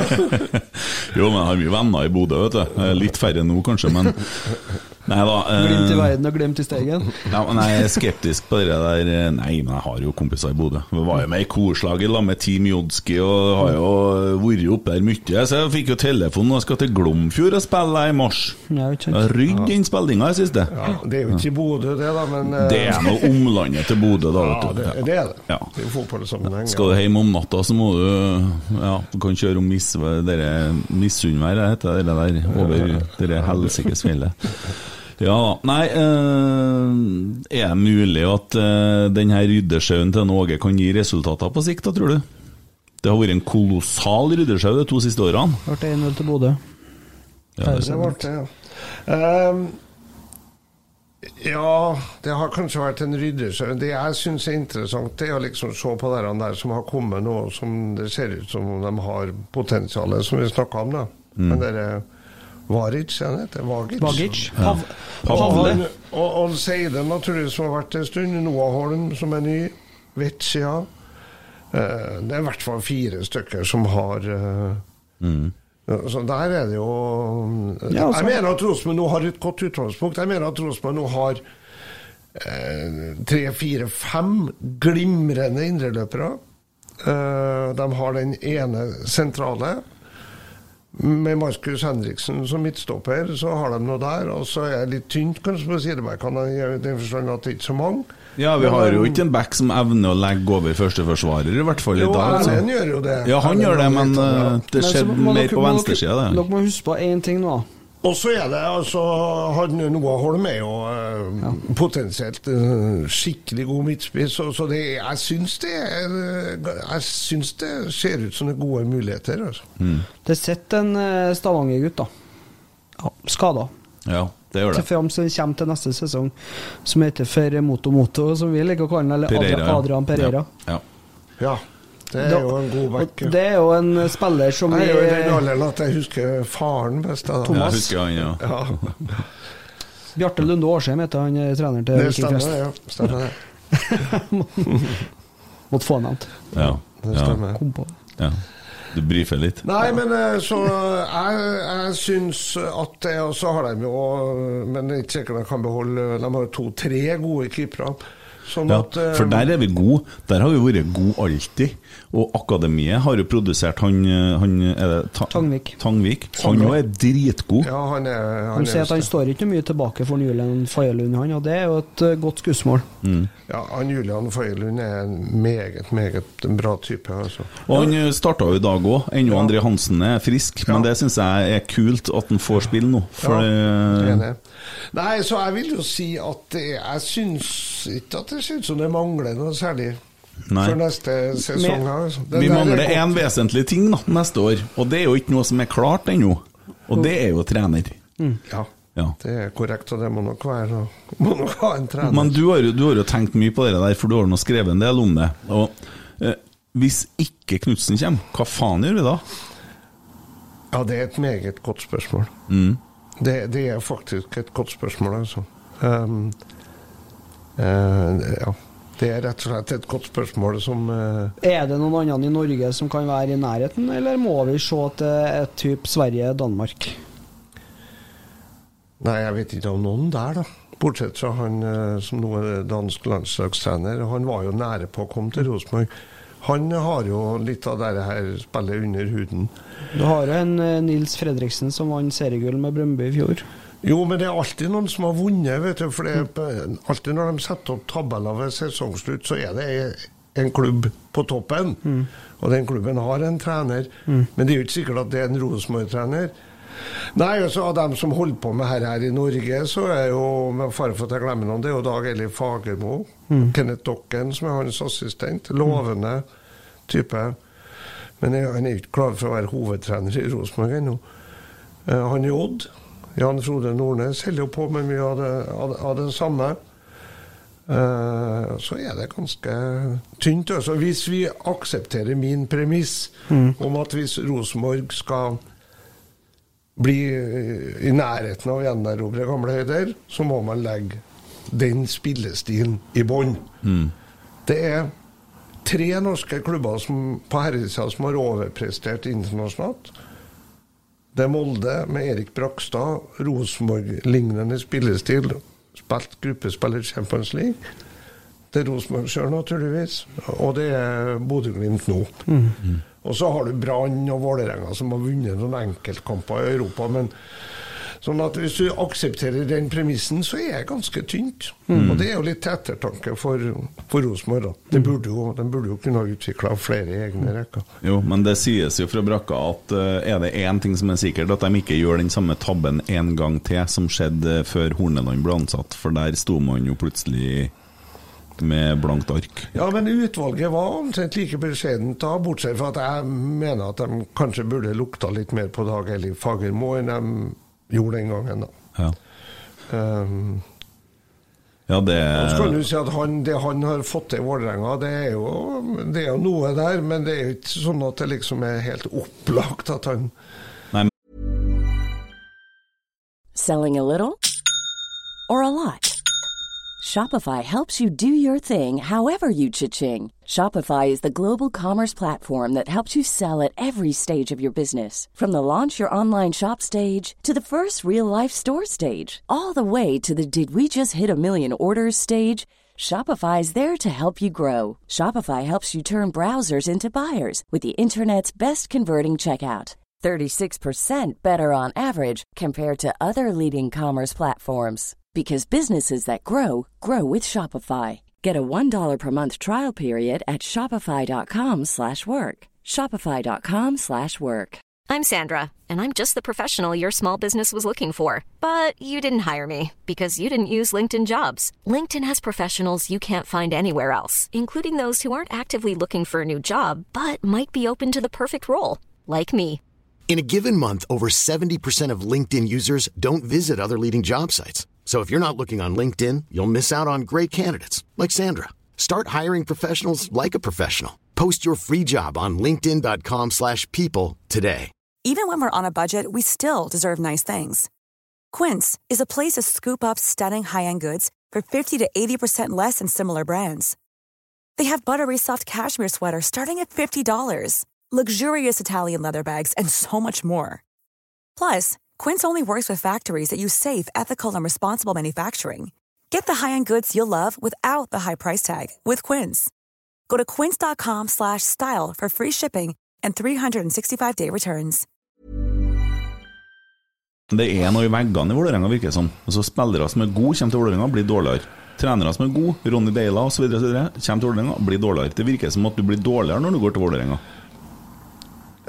Ja, ja Nei, jeg følger ikke den premissen. Eh, Og jeg tror eh, hvis en Dag Eiliv og Kenneth Dokken fortsetter der, eh, som de sikkert gjør, så tror jeg Vålerenga blir, blir bedre òg. Jeg gjetta dem på andreplass bak Rosenborg i år, jeg. Ja, Men det eh, er et godt, eh, det er et godt tips. Åsmund Bjørskan kan kanskje være trener i Rosenborg. ja. Han var jo i Ranheim. Ja, han kan dette her. Men altså, det er jo litt sånn med de fleste norske klubbene, som, og det er jo litt sånn med både ja, eh, Brann, eh, Vålerenga, andre lag, eh, når de på en måte det er veldig lite tålmodighet. da Det finnes jo litt en jobb som er mer utsatt enn en fotballtrener. For det, er ikke resultater innen et visst tidsrom, så, det, så er du ute ganske fort, da. Ja, sånn er det jo. Men, men jeg mener at i Rosenborg så er det på en måte en, en iboende kultur i Rosenborg og i omlandet som gjør at det går an å være litt mer tålmodig som øh, hvis, de, hvis det ligger et krav til, som noenlunde til en spillestil i bånn, og, og, og vedkommende jobber med den og prøver på det, så tror ikke jeg at vi tror jeg at vi godt kan være fornøyd med en tredjeplass i serien her, altså, hvis vi ser at det her kan bli noe. Ja, det er, jo det, det er jo dit vi må komme oss i dag. fordi at hva gjør vi nå framover? Rosenborg har gjort en fantastisk jobb eh, på brakka av markedsavdelinga. De har klart å fylle Lerkendal eh, to kamper på rad. Eh, sist med unger. Det var helt nydelig. Og den burde jo øh, i og for seg reengasjert Norge Hareide, men da kanskje i en annen rolle. I, I min verden så burde han vært ansatt i en treårsavtale nå i, i, på deling med Ranheim. Som en slags sånn felles uh, Nå begynner Ranheim uh, Nå blir det helt Brynjar Raune her. Nei, eh, men uh, som en sånn En slags sånn felles eh, ja, En slags sånn sportsdirektør eller eh, bygger eller noe sånt. For eh, han har veldig mye der han òg som er passer til Rosenborg-kulturen og den trønderske kulturen. Og, Men eh, på en annen side er det jo helt forståelig at han Ja, han sa det jo på mandag sist. Han, eh, livet tar jo slutt, og nå har han ikke så mange år, så han vil eh, bruke de siste med ja. Han har for, forhåpentligvis mange år igjen. Jo, men sånn som han sier sjøl. Ja. Si, Ja, han vil bruke de siste årene Ja. annet enn å for å springe og kjefte på Nemil Seid, sikkert. Det, Ja. Det, ja, det kan vi forstå. Ja. Så det er jo synd, fordi at uh, jeg følte meg jo nesten svikta på ny uh, når det nå i sommer ble klart at han ikke tok en ny runde, samtidig som at det kom opp i en periode med veldig sviktende resultater i juni her. Og, og så begynte vi å vinne igjen når han tok den avgjørelsen. Uh, jeg vet ikke om det har noe mye med saken å gjøre, men det er sånn snakk om bok, da. Så Rosenborg-boka har to Åge-kapittel nå, og begge ble litt tynn, tynnere enn hva mange ønsker, tror jeg. Ja, to ganger ett år. Ja. 2-0. Ja. Nei, han burde han, Sagbakken Nei, han eh, Solbakken. Solbakken. han, eh, han burde Vi kunne hatt god bruk for Norge Hareide i, i Trondheim i to-tre år til. Ja. Det er jeg helt sikker på, men uh, har stor respekt for at han Ja, vi må, jo, må jo forholde oss til det, og det ble jo på en måte i forhold til det med å signere en formalitet, en enårskontrakt som en formalitet som skal fornyes, for det var det beste for begge parter, og så ble det egentlig ikke det beste for oss, fordi at uh, her sitter vi nå. Uh, men uh, ja, jeg vet ikke, jeg, Det altså. ligner jo den skåringa til en Solbakken her, da. Prikk lik den ene mot Roma. Starter i, i forkant, og ballen blir slått helt Og riktig. Akkurat der tror jeg faktisk Bodø-Glimt sikra seriegullet. Det gjør de, og hvis jeg må velge ett av to onder som jeg ser på skjermen der, så er det ikke noe som gleder meg mer enn at Bodø-Glimt eh, vinner. For det at det der andre svineriet der, det er jo i så fall sånn at vi sitter igjen i dag og har tatt inn på dem med ett poeng, da. Ja. Så eh, da ligger det jo litt mer i våre hender. Vi skal jo møte de der på plastikkmatta de spiller på. Hva du syns du om plastikk, du, egentlig? Tromsø, Jeg har liksom aldri gidda å engasjere meg så veldig mye. Det er det enkelte andre som har liksom gjort det til en sånn veldig kampsak. Men jeg, jeg mener vel at norsk toppfotball bør spilles på naturgress, eh, med et mulig unntak for Bodø og, og Tromsø. Eh, og så er jo da naturligvis kunstgress helt fabelaktig for eh, de øvrige 95% av, av fotballen. Det er jo ingen tvil om, men jeg jeg er tilbøyelig til å mene at det burde vært krav til naturgress eh, i, de øverste divisjonene. I hvert fall den øverste. Eh, Men der du kanskje kunne være en åpning da, for f.eks. Det, det er jo litt sånn eh, nesten derfor man kjenner at eh, det, det er stygt å håpe, men eh, håper at Mjøndalen røkker ned, og, for at, og at Jerv røker opp, da, for da får vi jo bytta. Men for faen, Jerv, hvem som det, Vi sliter nok med publikumstallene om vi ikke skal Jo, jo, men Jerv. Mjøndalen er jo ikke noen publikumsmagnet i internasjonal sammenheng, dem heller. Men, men eh, de andre han spiller på naturgress. Mm. Og så er jo et paradoks, da. Det er klart at det var ikke en ulempe for Bodø-Glimt mot Roma å spille på kunstgress. Nei, det var ikke det. Men eh, Du så England-Andorra spilte på kunstgress i Andorra. Det så faen ikke ut. Det var Nei. Nei, jeg tror vi burde, vi burde Ja, vi burde. Og du har vært i Rørvik på kamp på en meget dårlig gressbane den gangen. Ja, men de la en meget dårlig kunstgress rett etter det. Nå har de vel sikkert skifta. Ingen av dere har så mange kamper oppe i Rørvik som jeg har, for jeg har vært gift oppe i Rørvik og har tre unger der. Så det lover dere. Men det var ikke på kunstgress. Det var på park. Det var på parkett. Mye parkett, ja. Og jeg tapte. Ja. Her sitter jeg. Ja. Med blodtrykksmåler. ja, ja. Eh, nei, det trøster meg med å se at Molde ligger under, det er jo noe, da. Uh, litt spørsmål. Tommy, du må ta trollehjørnet etterpå. Det blir flaut for deg å sitte og rope foran en Otto her, men det er noe sånn vi bruker å gjøre det. Vi har en sånn liten spalte, så vi bruker å ta for oss sånn nettroll, da. Og så folk som er på Twitter under sånn eh, Ja, så en gjengir vi det de skriver, hvis noen har noen fine. Og, og da gjerne da med sånn engasjement som vi ser de har når de skriver det, og det, da blir det roping. Eh, Roger Johannessen spør, eh, og det her er en litt sånn stakkars deg som får det spørsmålet, men jeg tar det med likevel, for det har kommet. Eh, det går i forbindelse med noe som er uttalt eh, på Twitter, eh, gjengitt på Twitter. Jeg sitter ikke og gjengir noe fra medlemsmøtet, egentlig, men spørsmålet er merkelig nok. Hva tenker han om at Rosenborg har en styreleder som svarer med at det kommer vi ikke til å gjøre, når det blir minnet om at fristen for et bindende årsmøtevedtak nærmer seg? Så da må du si hva du tenker om det, uten at du egentlig kjenner til det så mye. Jo, det gjør jeg. litt Ja. Litt. Um, R- Rosenborg er en medlemsorganisasjon eh, som er tilknyttet en annen og enda større medlemsorganisasjon, der medlemsdemokratiet, det representative medlemsdemokratiet, gjelder. Og den eh, saken om boikott av Qatar er behandla forbilledlig i det representative medlemsdemokratiet i Norges Fotballforbund. I motsetning kanskje til i Rosenborg, for der var det jo litt mer Litt mer sånn kupplignende sak i forbindelse med årsmøtet. Eh, der saken ikke var godt utreda. Men, men i forhold til tinget i Norges Fotballforbund, så er jo saken forbilledlig utreda, og alle har fått uttalt seg. og Så den saken er jo lagt død. Ja, for det at uh, tinget Og det må faktisk styrelederen i Rosenborg forholde seg til, og takk og pris at han skjønner det. Ja, ja Og det er jeg ikke overraska over at han skjønner, da. Nei, nei for, det, men, altså, for det tinget har jo avgjort allerede at vi ikke skal boikotte Qatar. Det er jo det som er bestemt, og det er sjekka ut med klubbene og avgjort. Det er avgjort Ja. uh, av tingrepresentantene med overlegent flertall. Ja. Eh, og det er jo liksom heften ved demokratiet at flertallet, i dette tilfellet et stort flertall, da, opplyst flertall, Mm. kan komme til å bestemme. Men eh, når det er sagt, så vil jeg jo si at det initiativet som ble litt kuppa inn på årsmøtet i Rosenborg av, eh, av kjernen, det førte jo mye godt med seg.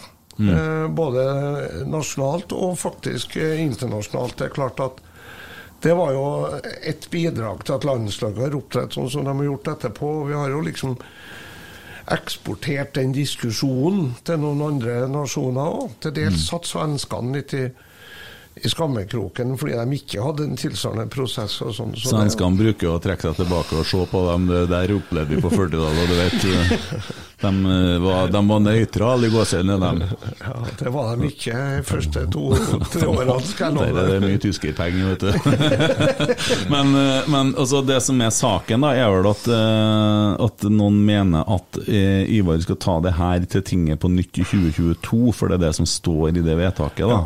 Det skal han naturligvis ikke gjøre. Nei. Nei. Fordi at det allerede er vedtatt i Norges Fotballforbund. Han må faktisk eh, akseptere at Norges Fotballforbund er en demokratisk medlemsorganisasjon. Og det gjør den jo naturligvis. Mm. Ja, Da har vi fått svar på det spørsmålet. Det er en veldig sånn øh, vanskelig sak, og jeg er jo usikker på hvor mye jeg skal gjengi fra et sånt medlemsmøte. ikke sant? Men, men også når det blir skrevet og gjengitt på Twitter sånn som det blir, til, og det er jo offentlig, så, så er det på en måte greit å ta Når du får et spørsmål om, fra et møte du ikke har vært på, men vi fikk nå ditt syn på den saken veldig konkret her, da. Eh, og så er det en Nicolai Khan uh, som spør hva var det egentlig som skjedde da du måtte slutte i TIL? Å ja, nei, det egentlig som skjedde, var jo at det, det ble litt, kanskje litt uh, eh, Her i stad litt eh, det, det som skjedde, var jo at vi hadde da den høsten ganske dårlig resultat. Og jeg prøvde å presse frem en reaksjon fra spillergruppa, som jeg hadde gjort en gang før, i Stjørdalsblink. Tromma sammen til et eh, ekstraordinært eh, allmøte i spillergruppa en mandagskveld, etter at vi hadde tapt for Ståle Solbakkens HamKam. Eh, dette hadde jeg gjort til Stjørdalsblink eh, ti år tidligere, ti år tidligere og, og utløst mye energi den gangen. Her gikk det ikke sånn. Uh, av forskjellige grunner. Så det som skjedde, var jo at uh, min tid var ute den mandagen. Men jeg hadde jo da stilt et slags kabinettspørsmål der svaret var litt uh, uklart. Jeg hadde jo rigga til giljotin til meg sjøl. og jeg var, he- jeg var helt sikker på at jeg skulle få et, et annet utfall, da. Ja. Eh, så den mandagen var jo ferdig, da. Det, var, det er derfor jeg sier jeg falt for eget grep på det, men det var i aller beste mening. Ja, det er litt som Nils Arne Eggen når han gikk ut i- fra garderoben. ja, eller kjørte hjem til Orkdalen på en måte, ja. Ja, ja. Og, og sa at dere vet hvor jeg er hen. Ja. Leverte oppsigelse, kringkasta på Dagsrevyen, Ja. og sa dere vet hvor dere finner meg. Ja. Og så kjørte han. Ja, det, det er litt samme mekanismen. Altså, av og til må du sette ting på spissen. Ja. Eh, Og da er det en risiko for at det går gærent, men det er jo en mulighet for at det utløser energi. Ja. Og det, det var min tanke den gangen i TIL, og det slo ikke til. Mm. Så det skulle, hadde, jeg kommer ikke til å gjøre det sånn flere ganger. Nei. Kommer du til å bli trener Nei flere ganger? nei da, det gjør jeg heller ikke. Bare melde, du. Ja. Eh, Pontus, nei, Pondus Pilates spør, spør han om doping i norsk langrenn på 90-tallet. Glisefjes. Ja, det kan jeg svare på, ja. Det vet jeg mye om. Ja. Um, langrenn på 90-tallet, der var det, det var jævla mye doping. Ja. Eh, I um, Estland, i Russland, i Italia, Østerrike, Finland. Eh, I hvert fall. Det var to nasjoner som var helt rein. Ja. Det var Sverige og Norge. Helt rein. Fordi at dette, og dette vet jeg, for at det var en periode hvor man drev og eksperimenterte med forskjellige typer som blodpass og sånt. De kunne ikke brukes i doping, som dopingtester ennå, men i virkeligheten var det jo gode, godt nok. Og En norsk-amerikaner som het Jim Støy Gundersen som holdt på med det her. Og de eneste nasjonene som ikke hadde noen mistenkelige blodpass, var svenskene og norskene. Så det, men vi hadde ekstremt gode ski. For vi hadde begynt å slipe noe som het steinsliping. En type nede i Krokstadelva. Eh, som hadde funnet opp en ny metode for å slipe ski. Som ingen andre hadde tilgang til ennå. Så vi hadde ekstremt gode ski. Som antageligvis minst kompensert for manglende doping. Ja. Ja, Så frem til du møtte Johan Myhlegg, da. Ja, det var litt senere, da. Men det, men det er klart, det var østerrikerne i 1999 og Lagt i 2001. en, ja. Eh, så, men da hadde, de, da hadde de andre like gode ski. Så det, det, dette vet jeg. Dette kan Eller ja, kan jeg, det er jo ikke noe kan. Jeg har sett dere testene. Og der, så det Norsk langrenn på 90-tallet var ren. Og det er sikkert fortsatt, det vil jeg tro. Juventus på 90-tallet, var dem igjen? Nei, det er vel ikke så sikkert at de var, de var italienere, i hvert fall. Men i, men i fotball er jeg liksom begrensa, vet du. For du kan ikke dope deg til god teknikk eller, eller eh, bedre taktisk forståelse eller Nei, men hadde vi kunnet dopa spillerne i dag eh, med rosévin og parmesan. Eh, så tror jeg kanskje det- det er så slapt ut det siste halvtimen. Altså. de var tunge føtter.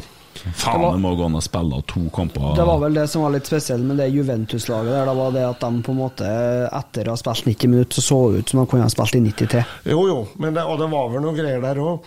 Men uh, Sør-Korea i VM i 2002, Ja. Der var jeg. Og det må jeg innrømme. Dem, dem tenkte jeg kanskje holdt på med noe greier. Altså, for at de var så intense i forsvarsspillet. Sprang så mye, så fort. Men nå gjør jo fullt av lag det. Så det de holdt på med i 2002, er jo ikke noe annet enn Borussia Dortmund og Liverpool. Og, og mange andre har gjort etterpå, så det var jo mulig. Ja, men de var vel òg kanskje litt heldige med en del eh, dommeravgjørelser underveis. Ikke, Ja, det, ikke er bare mer, litt. det er mer dommerne som Ja. kanskje var dopa, ja. Det er tror nok det er pengedopa. Ja, det er i hvert fall så, ja, det tror jeg faktisk det går an å, å tenke seg. Så er det en KKAKK, han er vel litt sånn fast lytter. Han er en rotsekk. Hadde han fått skjorta si, forresten? Har han fått den? Ja, dere kjørte jo den til han. Nei, jeg har ikke kjørt av han. Eh, har Otto blitt spurt om å bidra til å få SFK frem mot gammel storhet igjen? Steinkjer, da, sikkert. Ja, ja, det har jeg vel blitt spurt om, men jeg har ikke så mye å bidra med der, vet du. Og de, de jobber godt der nå. De, har en, de spiller jo Ja, jeg vet de, de spiller opprykks, første opprykkskampen i kveld. Mot, Ferdig, mot Levanger 2, da, sånn? ja, ja, ferdig om et kvarter. Det er jo dumt at de ikke spiller mot Verdalen, for det er klart at for fotballen på Innherred så er det veldig viktig at Steinkjer eller Verdalen kommer opp. Jeg vil jo si helst Steinkjer, hvis du skal være nøktern. Eh, de har en dyktig svensk trener, veldig ålreit eh, fyr, og, og jobber godt og har begynt på litt nedenfra. Så det, det har jeg blitt spurt om, men jeg har ikke så mye å bidra med. Nei. Thomas Dale spilte på Steinkjer en gang i tida. Ja, det gjorde han. Fin fyr. Ja, fin fyr. Bredemo. Jeg spilt... Brede Mo som spiller nå. Ja, ja, Han ja. ja, han er fra Flatanger. Er Jeg, fra Flatanger. jeg spilte i bryllupet til en Thomas Dale. Han er jo fra Flatanger, han Thomas Dale òg. Det stemmer, det. stemmer. Jeg spilte i bryllupet hans oppå Hva heter det, den gården oppå bortom Risvollan der. Kjempekveld. Og gifta seg med lagkapteinen. Brede Mo var en ja. helsikeste spiss. Vi snakker bryllup og ikke fotball her, takk. Skjerp deg. Svein AS har et smart spørsmål. Hva er et primtall? Jeg har ikke kommet hit for å svare på sånne spørsmål. Nei. Emil Almås, hvor mye var han og Drillo faktisk i Irak da de hadde landslaget der? Ja, det har vi jo fått svar på, for Ja, det var Ikke så mye som en halvtime. Nei. Men vi var i, i, Dubai, og vi var i, i Syria, og vi var overalt ellers. Ja, det er jo I lange perioder. ble det litt sigar, da. Nei, men det var ofte én konjakk på hotellrommet til Egil på kvelden. da. Ja. Og da husker jeg Egil sa en gang at eh, Otto, kommer vi til Sør-Afrika, han. For det var jo den VM-kvalifiseringa jeg holdt på med. Da kan jeg bare daue. sånn. Heldigvis så gjorde han ikke det. Så spør han Emil Almås om du snakker arabisk. Nei. Nei. Men vi, eh, noen av dem snakka godt engelsk, og noen av dem lot som om de forsto engelsk. Det var en eh, utfordring. Ja. Så er det en uh, storidiot som heter Jonas Aune Sunde. Det, det er broren min. Uh, og da skal han jo selvsagt stille spørsmål som skal ha frem seg sjøl, vil jeg tro. Ja, uten mest, mest sannsynlig. hvor imponert var han av spillerstallen til FK Fosen etter spillemøtet han hadde i kjelleren på Oksvoll? Ja, jeg husker det. Ja. Jeg husker det. Det var etter ei trening, innendørs trening, tror jeg. ja. Og Einar Dilsvik, som var styreleder i FK Fosen, som spurte om jeg kunne komme og hjelpe dem. Eh, Men de ville jo bare trene på mandager, onsdager og fredager. ja. Maks. Fine gutter. Flott gjeng. Og absolutt noen av dem som eh, hadde fotball i seg òg. Men de, de, var jo, de, var jo, de ville jo synge i femtedivisjon, dem. Og det var helt ålreit, det. Ja. Ja, men eh, så, så det, det ble vel ikke noe mer enn det. Ja. Snakk om å synge. Jeg kommer jeg på uh, dere her føgl... Hva heter gjengen? Måkeberget til Haugesund. Ja. De hadde en demonstrasjon mot VAR i dag. så de valgte å stå utom stadion i ti minutter. Og så kom inn på stadion. Ingen forskjell! Jeg Hørte ikke at de kom inn! det, det er like kred. Haugesund, klapp, klapp, klapp. jeg tror de gikk. Ja, nei, det var Der begynte jeg med kampen igjen. Nå går pumpa. Det, var komisk, da. Så det var, ikke, det var ikke brutalt, det som skjedde der. Kjernen er god. Eh, KKAKK spør igjen, eh, enda et spørsmål, og det har vi så vidt vært innom. Er Svein Målen virkelig løsningen på trenersiden hos RBK? Nei. Nei. Men han er Altså, vi er jo ingen er gode alene.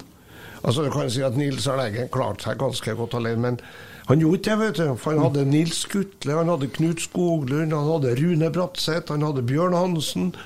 Særlig disse som var meget komplementære, og de var tøffe, noen av dem. Eh, og, og Kjetil Knutsen kan ikke komme hit, og han er altså ikke Jesus Kristus. Så han kan ikke komme hit og ordne dette alene. Og hvis du skal bygge kultur igjen, så er det forholdsvis lett å Bør være fullt mulig å liksom reaktivere den gode kulturen i Rosenborg. Og det må starte rundt det sportslige apparatet. Og Svein Målen vil være en perfekt partner til Kjetil Knutsen. Mm. Og han har jo mye av Rosenborg-systemet i seg, ikke sant? Han kan det, han kan det jeg sa vel i sted, han kan det bedre enn kanskje noen av dem som er aktive i dag, i hvert fall. Og det så vi da Ranheim var i Eliteserien, når han ble kåra til årets trener. Da Ranheim vel eh, har jo overprestert forholdsvis konsekvent i, i mange år, og det er jo takket være uh, spillestilen, og den Svein er ekstremt god på det. I all beskjedenhet så var første året jeg overprestert var i 2010, da. ja. Hvem som var daglig leder da? Nei, det var ikke en Brynjar. Det var ikke Brynjar, nei. Nei. Det var etterpå. Ja. Men eh, det var en Perry og jeg som var trenere, da. Ja. Ja, du har vært Nå skulle jeg hatt hestelig der, men det har ikke jeg. Eh, ja, du har vært trener i lag med Perry òg, ja. Ja, i flere perioder. ja. Han er jo en uh, Han, har- han har jeg jo slitt med i tre perioder. Først så hentet jeg han jo tilbake fra Sverige til Stjørdalsblink som spiller. Ja. Da fikk jeg de første grå hårene i forbindelse med noen dribleserier utpå kanten. Han var jævlig god, altså. Han? Ehm, eh, Det var jo i, i, i 93. I 94 så var han så god at eh, vi skulle spille mot Stabæk på Nadderud 16. mai. Da skulle Drillo komme og se på han. Han var faktisk eh, på blokka i forhold til VM i USA. Altså. Men da ble Perry skada. Og så har jeg jo vært sammen i men etter det. Da han har vært spillende, spillende hjelpetrener, og så var vi sammen i 2010. Ja. Og så har jeg vært mentor for ham et år da han var i Ålesund. ja. Så, ja, mentor som var med en Men, men Perry som trener til Rosenborg, det var ikke noe god match, jeg. Nei, resultatene var jo ganske gode, da. I begge periodene vel, tok ikke de sølv og sånt i den andre Jeg vet ikke, jeg vet bare at supporterne er ikke så veldig begeistra for han som trener. Nå skal vi sjekke åssen det gikk med Østersund i kveld, for de har spilt mot Hekken i kveld. ja. Det er jo to av dine som møtes, da. Yes, det er akkurat sånn at du skjønner Egentlig hadde vi tenkt oss dit i kveld, en gjeng. Men eh, det gikk jo ikke, det, da. For jeg hadde mye annet jeg måtte gjøre. Ja, ja, da skriver vi bok om Nardo, du.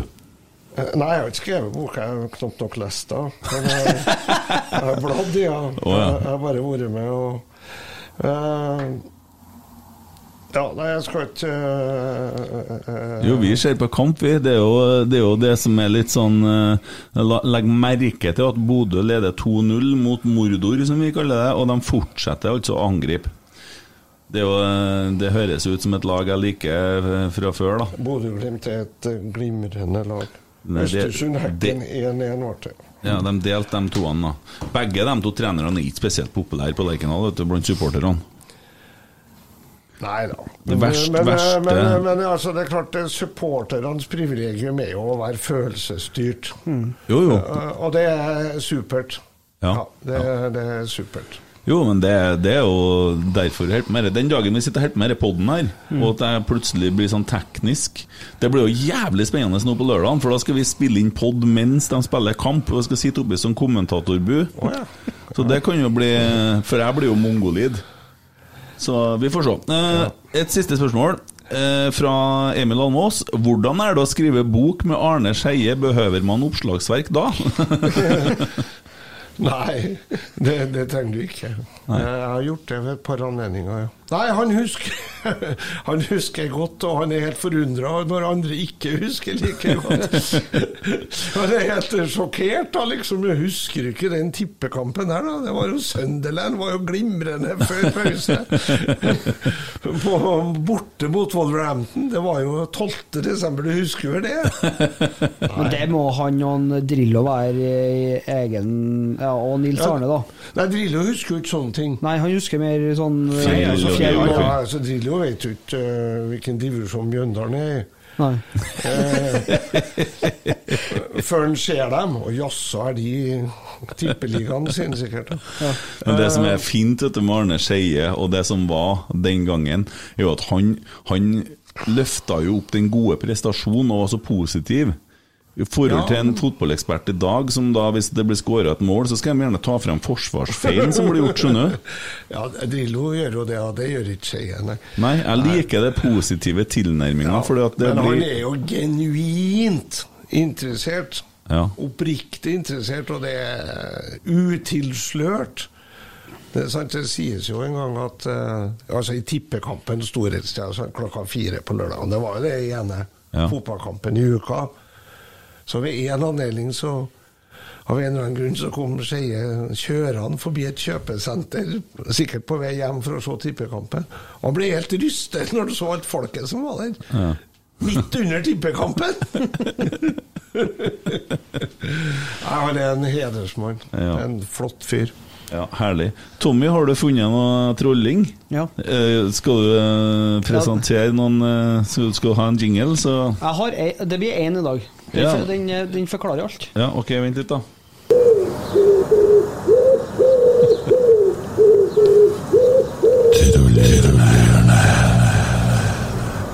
Jeg beklager på forhånd, altså.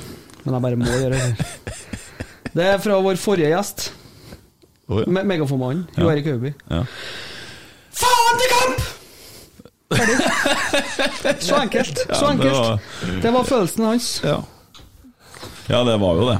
Nei, da, altså, det, men altså, da må jeg trøste dere litt. Jeg husker Erik Hoftun en gang beskyldte meg da han var trener, da, eller kanskje sportslig leder. òg, liksom, han beskyldte meg eh, for å skjønnmale 90-tallet, liksom. Mm.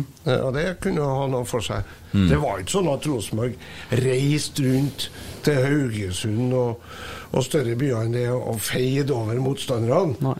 Sant? Det var jo skåringer i siste liten og på overtid, og, og sånn, sånn at det er liksom Isolert sett så det er klart at det å spille 0-0 i Haugesund, det er jo liksom Det er altså, Av ti kamper så, så en, to-tre sånne, og et, kanskje et par tap òg. jeg satt og kikka gjennom lista helt tilbake til 2010. ja. Det er Ja. neimen ikke mange kamper som er mer enn tre mål i, altså. Nei, og så sa alle sammen på sosiale medier at i dag kommer Alexander Sjødelund til å skåre hat trick og senke Rosenborg og bla, bla, bla. Han var jo ingenting. Og du så at vi stoppa dem hele tida. Vi har én sånn der, men det var vel egentlig en offside, var ikke det? Den feberredninga til en Faye Lund. De var alene gjennom en gang, og da er han ned og gjør noe fotarbeid der, tror jeg. Som, eh, det var veldig bra av han, ja. Men eh, Vi får ikke noe fra dommerne, altså. Eh, så en Vekka ble jo trampa på to ganger framme der. Hun ble jo rasert, men uh, det bare videre. Og vi har ikke fått én straffe i år. Nei um, Vet du, jeg tror det har noe med spillestil å gjøre. Ja, det har med mange ting å gjøre, naturligvis. Men det er klart at Rosenborg fikk mange straffer i den perioden man var jæklig god på det kollektive og offensive spillet. For da var det så ofte at det skjedde det som skjedde med Ola Solbakken i, i kveld og mot Roma. At de var litt i forkant. Og du så det mot eh, mot, mot Sandefjord. Ja, for den så jeg, så. De men de spilte på seg en fem-seks gule kort. Ja, ja. Og han Noah Holm eh, påførte dem vel kanskje tre alene. Ja. Så det er klart at når du blir så god, da, da får du mye frispark òg, for da blir jo motstanderen på etterskudd. Mm. Eh, men det er jo litt tilfeldig. Og de fleste andre vil jo si at hvis du tar over en 10-20-30-årsperiode, så har Rosenborg fått sine straffespark. Ja, men ikke ett i år. Nei. Jeg bare nevner det. For et spennende liv du har levd. Hvor mange folk du har truffet, og hvor mye du har gjort. Ja, men du, jeg skal gi deg en eh, Skal jekke deg ned litt. Jo, jo, jeg er klar. For tenk deg da hvor mye jeg har gjort i forhold til det jeg har igjen. Det vet vi ikke noe om. Nei, altså ikke antall år eller antall gode år og sånt. Der har jeg jo, har jeg jo 30 I første omgang 30 gode år igjen. Men altså, det er jo mye av det du refererer til der. Det, jeg skal jo ikke til Irak noen flere ganger. Jeg skal ikke trene TIL noen flere ganger.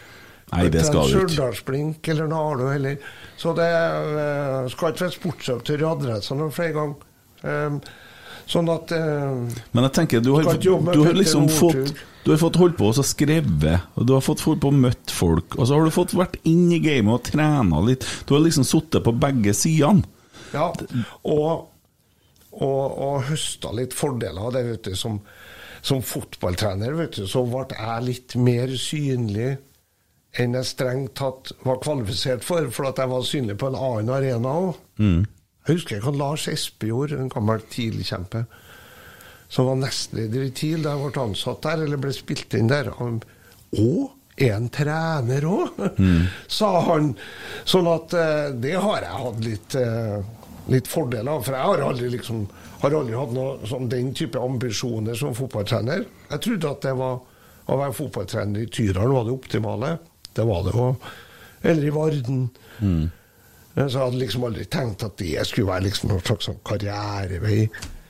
Men jeg har, hatt, eh, jeg har i større grad enn jeg kanskje har gjort meg fortjent til, blitt sett. Fordi at jeg var på den andre arenaen òg. Ja. Men så legger du igjen altså, du, du har jo skrevet mye, og det ligger jo igjen mye skrevne ord etter deg eh, fra mange år tilbake. Du har, og det er, jo, det er jo en eh, gave, det, til verden. Ja, ja.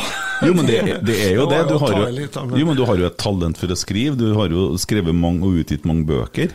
Og, Ja. og det er jo makt i det skrevne ord, og du får jo være med å påvirke, og du er jo Ja, med Og det kan jeg fortsette med, å Ja. skrive. Og Ja. det gjør jeg. Ja. Eh, og det, det skal jeg forhåpentligvis uh, fortsette med. Altså. Nei, jeg har ingenting å klage på, men det gjør jeg heller ikke. Det skal pinadø ingen beskylde meg for. Nei. Nei, det var ja umiddelbart når jeg spurte om å være med her. Ja, det skulle bare mangle. Husk på hvor mange jeg har spurt om å stille opp gjennom livet til intervju og sånn. Så der har jeg en sånn prinsipiell holdning. Altså jeg svarer ja til alt. Men nei, i dag har jeg hatt en kjempedag, for det var så kjekt å komme opp i nissekorn til Nardo. Det er 30 år siden jeg var trener der. Jeg var bare trener i ett år. Men vi vant overlegent den tredje divisjonen den gangen. da. Men det var som å komme hjem, altså. Ja, men, men er det sånn at eh, For jeg syns jo du virker som du har et veldig Rosenborg-engasjement utad, og jeg har jo forstått at du Ja, kan jo veldig mye om Rosenborg. Har jeg Ja det, forstått? ja, det gjør jeg. Ja. Om, ja, det moderne Rosenborg som starta i 1960, det kan jeg, jo. Ja. Men jeg, jeg, jeg, er sikkert mange som kan mer sånn fakta enn meg. Hvor mange kamper har han, og hvem spilt høyreback da, og sånt. Men, men jeg kjenner den historien, ja. Sånn uh, innafra på mange måter. Det gjør jeg jo. Mm. ja, du var her på 90-tallet da ting skjedde, Ja, du da var jeg tett på hele tida, vet du. Sant? Nei, jeg har vært på det, den har jeg, Dem har jeg vært tett på egentlig hele veien, altså. Mm. Er 90-tallet av og til en belastning for Rosenborg? Ja, Det vil sikkert noen si, men det går ikke an å se sånn på det. vet du. Men, men det er klart det er jo noe med å komme hit og skal leve opp til det. Jeg husker jo da Leeds liksom fikk sin andre storhetsperiode, så begynte de jo angivelig liksom å kaste alle pokalene fra den forrige storhetsperioden og rive ned alle bildene på veggene og sånn. Det er jo en måte å frie seg fra ansvaret på, men jeg tror ikke det er noen metode for å gjenskape det. Altså. Sånn at jeg mener man må la seg inspirere av det som har skjedd på 90-tallet, og det går an å få det til igjen, altså, er min påstand. Men, men altså, vi ser jo det at uh, siden Nils Arne kom hjem fra Moss, da, så er den dårligste plasseringa vi har, en sjuendeplass.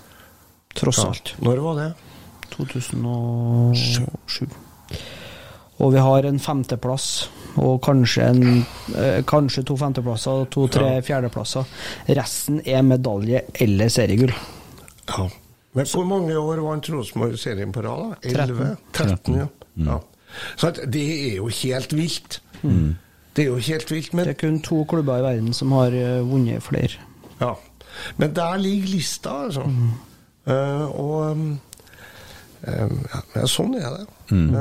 Men det ble jo målet for sesongen i år. Det var jo å krympe forspranget til Bodø-Glimt. Det var jo det som var uttalt før sesongen, og Ja, som ble sagt i fjor. Men jeg tror ikke Åge sa det, han? Åge sa det i fjor.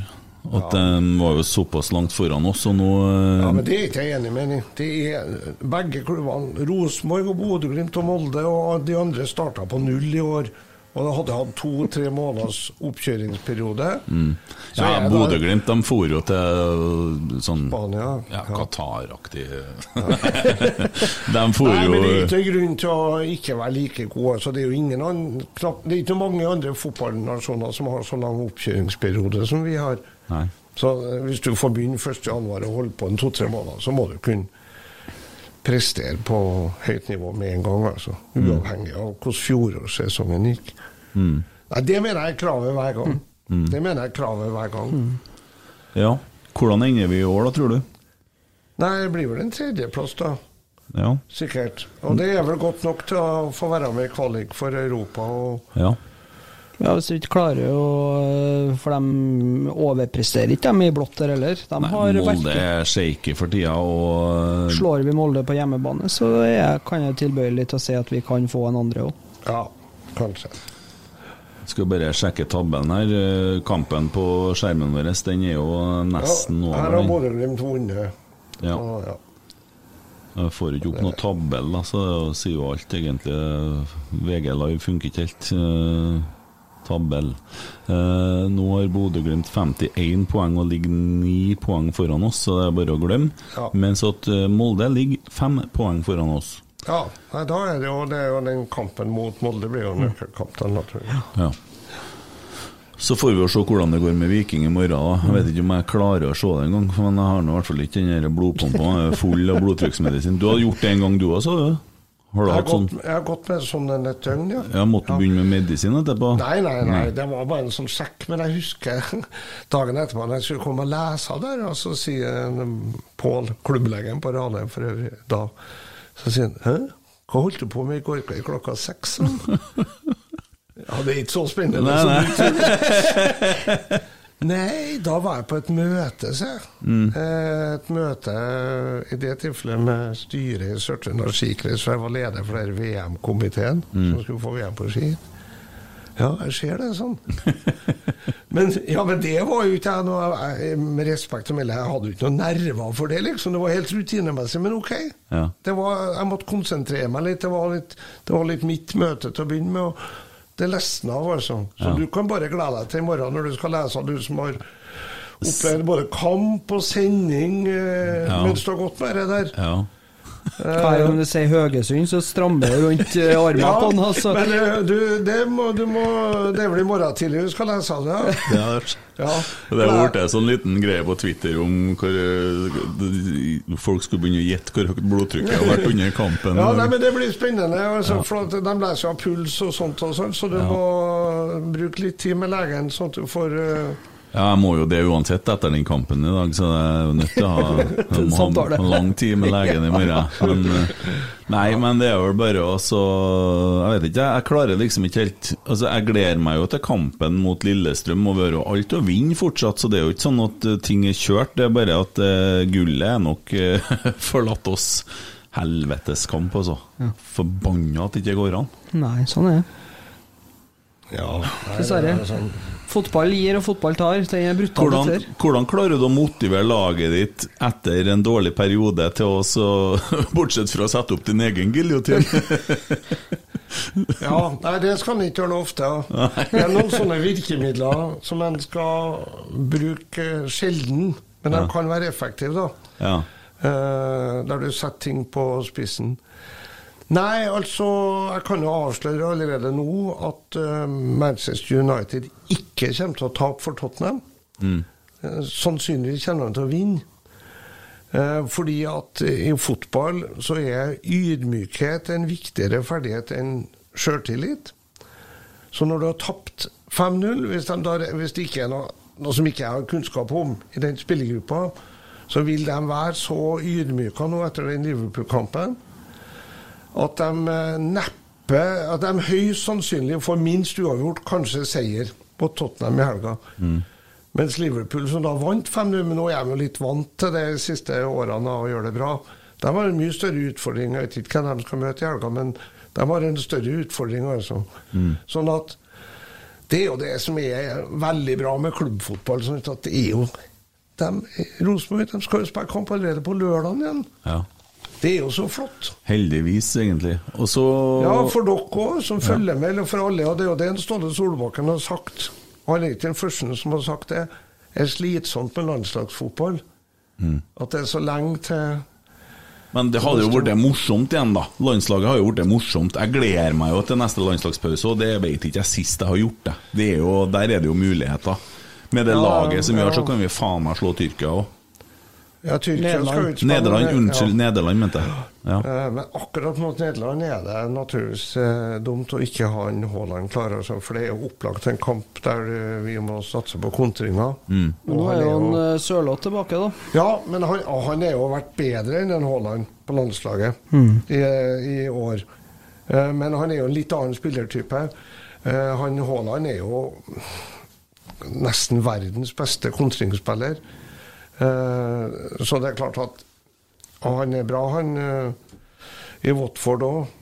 Joshua King. eh, Som kontringsspiller. Men Haaland er mot Nederland er det Faderen, altså. Da skulle vi hatt han. Men det har vi ikke. Nei. Nei, men jeg gleder meg. Det, det er jo fint å ha et landslag man kunne være stolt av, og det er en stund siden jeg har klart å kjenne engasjementet. Ja, det var ganske gode resultat med Lagerbäck, da. Noe grisekjedelig fotball, da. Ja. Spør du meg, da. Ja, jeg klarte, ikke, jeg klarte ikke å bry meg. Jeg har vært så, så av det landslaget. Nå er jo du sånn Perry-fan, så du syns jo det er stas. Nei, Perry-fan er men han er en god kompis. Ja, ja. Han er kul nok, han. Han svarte på alle meldingene jeg sendte han, husker jeg, når at han tok over som Rosenborg-trener andre gangen, for da begynte vi å sende han meldinger. Han svarer, vet du. Jo, jo, Så- men han er jo en flott fyr. Og dykt, meget dyktig leder og fotballtrener. Mm. Men, men det er noe annet sak. Jeg er helt enig i at uh, de siste landskampene har vært veldig ålreite. Altså. Mm. Og det er noe i det du sier om at det er noen typer her nå. Altså. Og Husk på han derre som i Southampton, er jo Moa. Nei. Mm. Jo, Moe. Moss. Nei. Nei, det, Nei, det er broren eller søsken. Moi. Moi, ja. Ja. Han er jo Han har jo vært Nei, det har vært mye spennende der. Altså. Ja, det, det er nå litt å glede seg til det, da. Og så må Kan vi du glede deg til Lillestrøm-kampen nå? Jeg gjør jo det, Ja. ja. Men er klart at det Jeg gleder meg til den som skal høre episoden etter Lillestrøm-kampen, for at, å sette en mikrofon framfor han når han ser en fotballkamp med Rosenborg. Ja. Det kan bli en priceless, unik episode, for Blir det filma òg, eller? vi burde jo gjøre det. Ja, vi burde kanskje det. Ja. Ja. For at det er jo, er jo litt unikt. Vi, vi livestreama jo én, Eller vi la ut videoer, video, eller sånn eh, Jeg, jeg, jeg er så glad i den klubben, og det er jo, det er jo for, for min del, da. Så jeg vokste opp i Vollersund, har du vært der? Veldig fin plass. Jeg har vært her på fotballkamp Ja. Rosenborg. På Marienborg stadion i 1988. Jeg sto også på. Eh, det var ikke i 88, nei. Rosenborg mot et sånt sammensatt Ja, ja, ja, Det var sånn Fosen Allstars. Ja, helt korrekt, med Jo Tessem og Håvard ja, oh, ja, det- og. Ketil Nøvik. Og det var i forbindelse med Rosenborgs 75-årsjubileum, oh, tror jeg. Oh, ja. Så i type 92 eller noe sånt kunne det være. Da burde Nei, det være det, nei, det var i 1992, ja. Ja, 1992 var det. ja. Det er, det er ikke så rart jeg ikke husker det godt. Jeg mener at de var der en gang da jeg var liten guttunge. Også, for de, eller, altså, var i, Ja, det kan godt hende. Ja, ja, Men det var ja, på den stadion med den fjellveggen. Ja, ja, ja. Og, da, Rett og Nils Arne oppdaga ikke hvor god han Jo Tessem var. Nei, akkurat. Det, og det skrev du jo om nettopp. Og det var da han, eh, det var da han jaga dem inn for Eta karbis, vet du. Ja. For spillerne hadde satt seg på, på bussen for å rekke ferja. Ja. Og han var inne i bussen og henta i dem. Inn på og Eta karbis. Ja. Og ta neste ferje. Inn på Folkvang, Der har jeg blødd mye neseblod. ja. Nei, men du vet, fra, fra altså morfaren min, da, som var en liten sånn farsskikkelse, å være med han rundt eh, på kamper og Brynjar Aune, da, søskenbarnet mitt som sto i mål på Rosenborg junior, og vi for og kjørte etter og kikka på dette her, og så kikka vi jo, måtte jo lide oss gjennom FK Fosen-kamper, og, når det, før før det var det jo Jøssund. Og, og, for å så komme og få være med på alt det som har skjedd her, og, og sitte og få de opplevelsene og, eh, så Det betyr utrolig mye for veldig mange. Eh, og, og det er et eller annet med å komme inn på den stadion. Vi begynte å gå på kamper da vi bodde i Namsos, og, og kjørte nedover og satt, satt her tre timer før kamp. Du, for Ja, men det var når Å ja, her, ja. Ja, ja. Så, det, så du snakker ikke om da Namsos var god? Nei, nei, nei. Og jeg Nei, snakker jo også Og, og for ikke å snakke om en onkel Bjørn oppe i Klokkesvingen. Han finnes det bilder av, kan vise deg etterpå. Uh, og, var med han og sto på gamle Hva heter Store Stå? Klokkesvingen. Ståtribunen. Ja, eller Ja. Klokkesvingen. ja, vi var i Klokkesvingen òg, men altså alt det der fra du er liten guttunge, sant? og du, du blir begeistra. Og det var stas. Ja, ja, det var jo artig. Ja, det er jo like stas ennå. Og jeg blir jo som en liten guttunge i følelsene mine. Så Men det er ikke flott. Jo, det er jo det. Og så får jeg noe, får jeg noe utløp for det, da, så da synker jo blodtrykket etterpå, da, kanskje. Det detter drastisk, ja. Etter kamp, ja. Jeg vet ikke, det får jeg vite i morgen. Nei, men det er jo fint, og det er jo fint å ha dette her, og, og jeg er glad for at vi har eh, Som jeg skrev til denne Bodø-gjengen nå, sant, altså, vi, vi, for det, liksom sånn, det blir jo litt sånn renting og sånn, som de sier ungdommene. Altså, vi, vi krangler nå litt sånn, eh, men det er jo, det er jo, vi er jo glad i hverandre. Vi er jo avhengig av hverandre. Ja, det er helt korrekt. Ja, vi er avhengig av Molde, og så kan Du vi må ha ha noen å spille mot. Det er en fordel. Det er helt korrekt. Ja. Og ennå så er nå Rosenborg sånn at vi kan jo ikke melde av laget av serien. Vi må nå bare fortsette, så må vi nå håpe at vi lander en plass med æren i behold. Så Det tror jeg du kan være ganske trygg på. Ja, jeg syns jo at det, er jo, det føles jo mye bedre nå i år enn hva det gjorde i fjor. Det er ikke å snakke om i 2019. Ja, sant, men altså og bare den følelsen Sandefjord i fjor på bortebane og stå skjermballen på cornerflagget på 0-0 Ja, jeg husker det. Steike ta. Hva hadde du gjort hvis du var trener da? Nei, jeg husker det. Jeg skjønner hva du sier. Men nå var det ikke treneren som sto og skjerma ballen utenfor. Nei, men noen må ha fått beskjed om å ta det helt med ro. Ja. Men det var vel viktig å få det, det poenget, var det ikke noe med det? Nei, fordi at resultatet i det andre kampen Jo, jeg tror at det var, men altså, for all del. Ja, nei, det var eh, Vi får håpe hvor noe mye, vi? Vi har det. Og det er mye igjen. Ja. Ja, det er det jo. Det er mye å glede seg til. Ja, ja, ja. Og- grue seg til. Ja, da. Ja. Men det vet du ikke på forhånd, da, heldigvis. Jeg har jo 55-60 år igjen med Rosenborg. Vet ikke du noe om det, vet du. Nei, men sånn Ja, ja. Hvis du sier ish 85, da, så har jeg 53 år med Rosenborg igjen. Ja. Nei, ja, men det Du har noen og 20. Med tanke på blodtrykket, tenker jeg. Ja, Nei det- da, det er jo sunt. Det er jo sunt. Så det får du jo beskjed om i morgen når du kommer til legen, at den Haugesund-kampen gjorde deg jo bare godt. Ja. Fikk fresa ut litt. Ja, nei, det, jeg googla jo Jeg var jo så dum og googla her i dag, vet du. Det sto om det langsomme mordet, høyt blodtrykk. Så jeg, det var jævla dumt. Da blir jo litt stressa da. Det er som å google hodepine. det. Mm. Det går ifra kan være bare Men jeg kan, eh, ja, men jeg kan anbefale en eh, litt god hurtig spasertur på lørdag før kampen. Jo, men eh, det er i gang der nå, altså. Det er Jo, altså, det, det er alvor. Altså. Ja, før kampen, så får i gang kampen, ja. ja. Ja, ja. Nei, men sånn at du får brukt deg litt, og Ja. får litt fart på blodomløpet. Og, men først og fremst på, på, på, på pumpa, da. Ja, ja, ja. Og kretsløpet. Ja. Så når er kampen? Er Seks? om Seks, ja. ja jeg Eh, Nei, fem. Fem. Fem. Nei, seks på det. Ja. Nei, fem. Ja, men eh, tre timer før kampen så bør du ta en, en time hurtig gange, Ja, ja. sånn at du får litt puls. Det Ja. gjør veldig godt. Ja, jeg hører på deg. Jeg hørte ikke så mye på deg sist de snakka om sånne ting, for da flirer jeg bare. Husker du det? Ja, ja, jeg husker det. Men det altså, jeg har vært ute og jogga med fotballspillere før kamp og sånn, for å få ned Ja.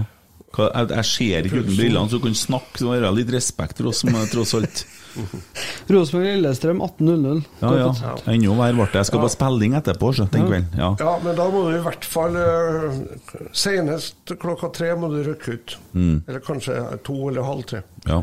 Da, det tar jeg til Det skal jeg følge, følge opp, det.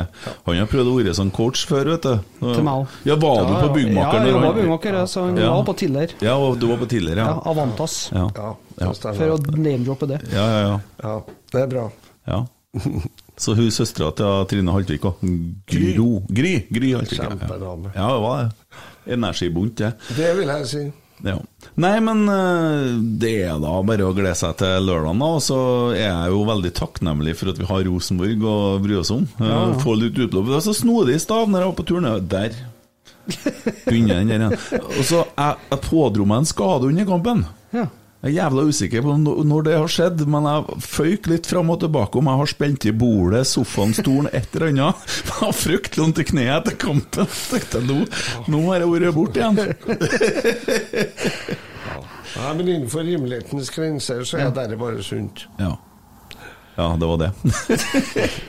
Det spørs hvor den grensa blir trukket igjen. Ja. Jeg har sett den på kne med hendene folda over huet. Så Ja, det, det det er er nydelig å se. Det er ikke farlig, det. Nei da, det er helt fantastisk. Jeg skreik òg den dagen Tarek Elionussi og, og Mix Diskerud ble presentert i pausen. Da kom tårene. Syns du det var så Jeg var så glad, for nå tenkte jeg at nå satser Rosenborg. Nå blir vi igjen. Endelig. Ja, det er jo ikke lenger siden enn eh, Tromsø-kampen, når vi avgjorde på overtid der, eller om det var Ja. Ja, da, ja. Da sprang han jo nesten ned inn på banen før han snudde og kom på at det kunne han jo ikke. Da rant jo tårene, så Mye fine øyeblikk. Voksne mannfolk. Ja. ja, Nei, men eh, Otto, tusen takk for stunda. Jo, takk for meg. Det Ja. var trivelig. Ja. Tommy, god bedring. Snakkes på lørdag.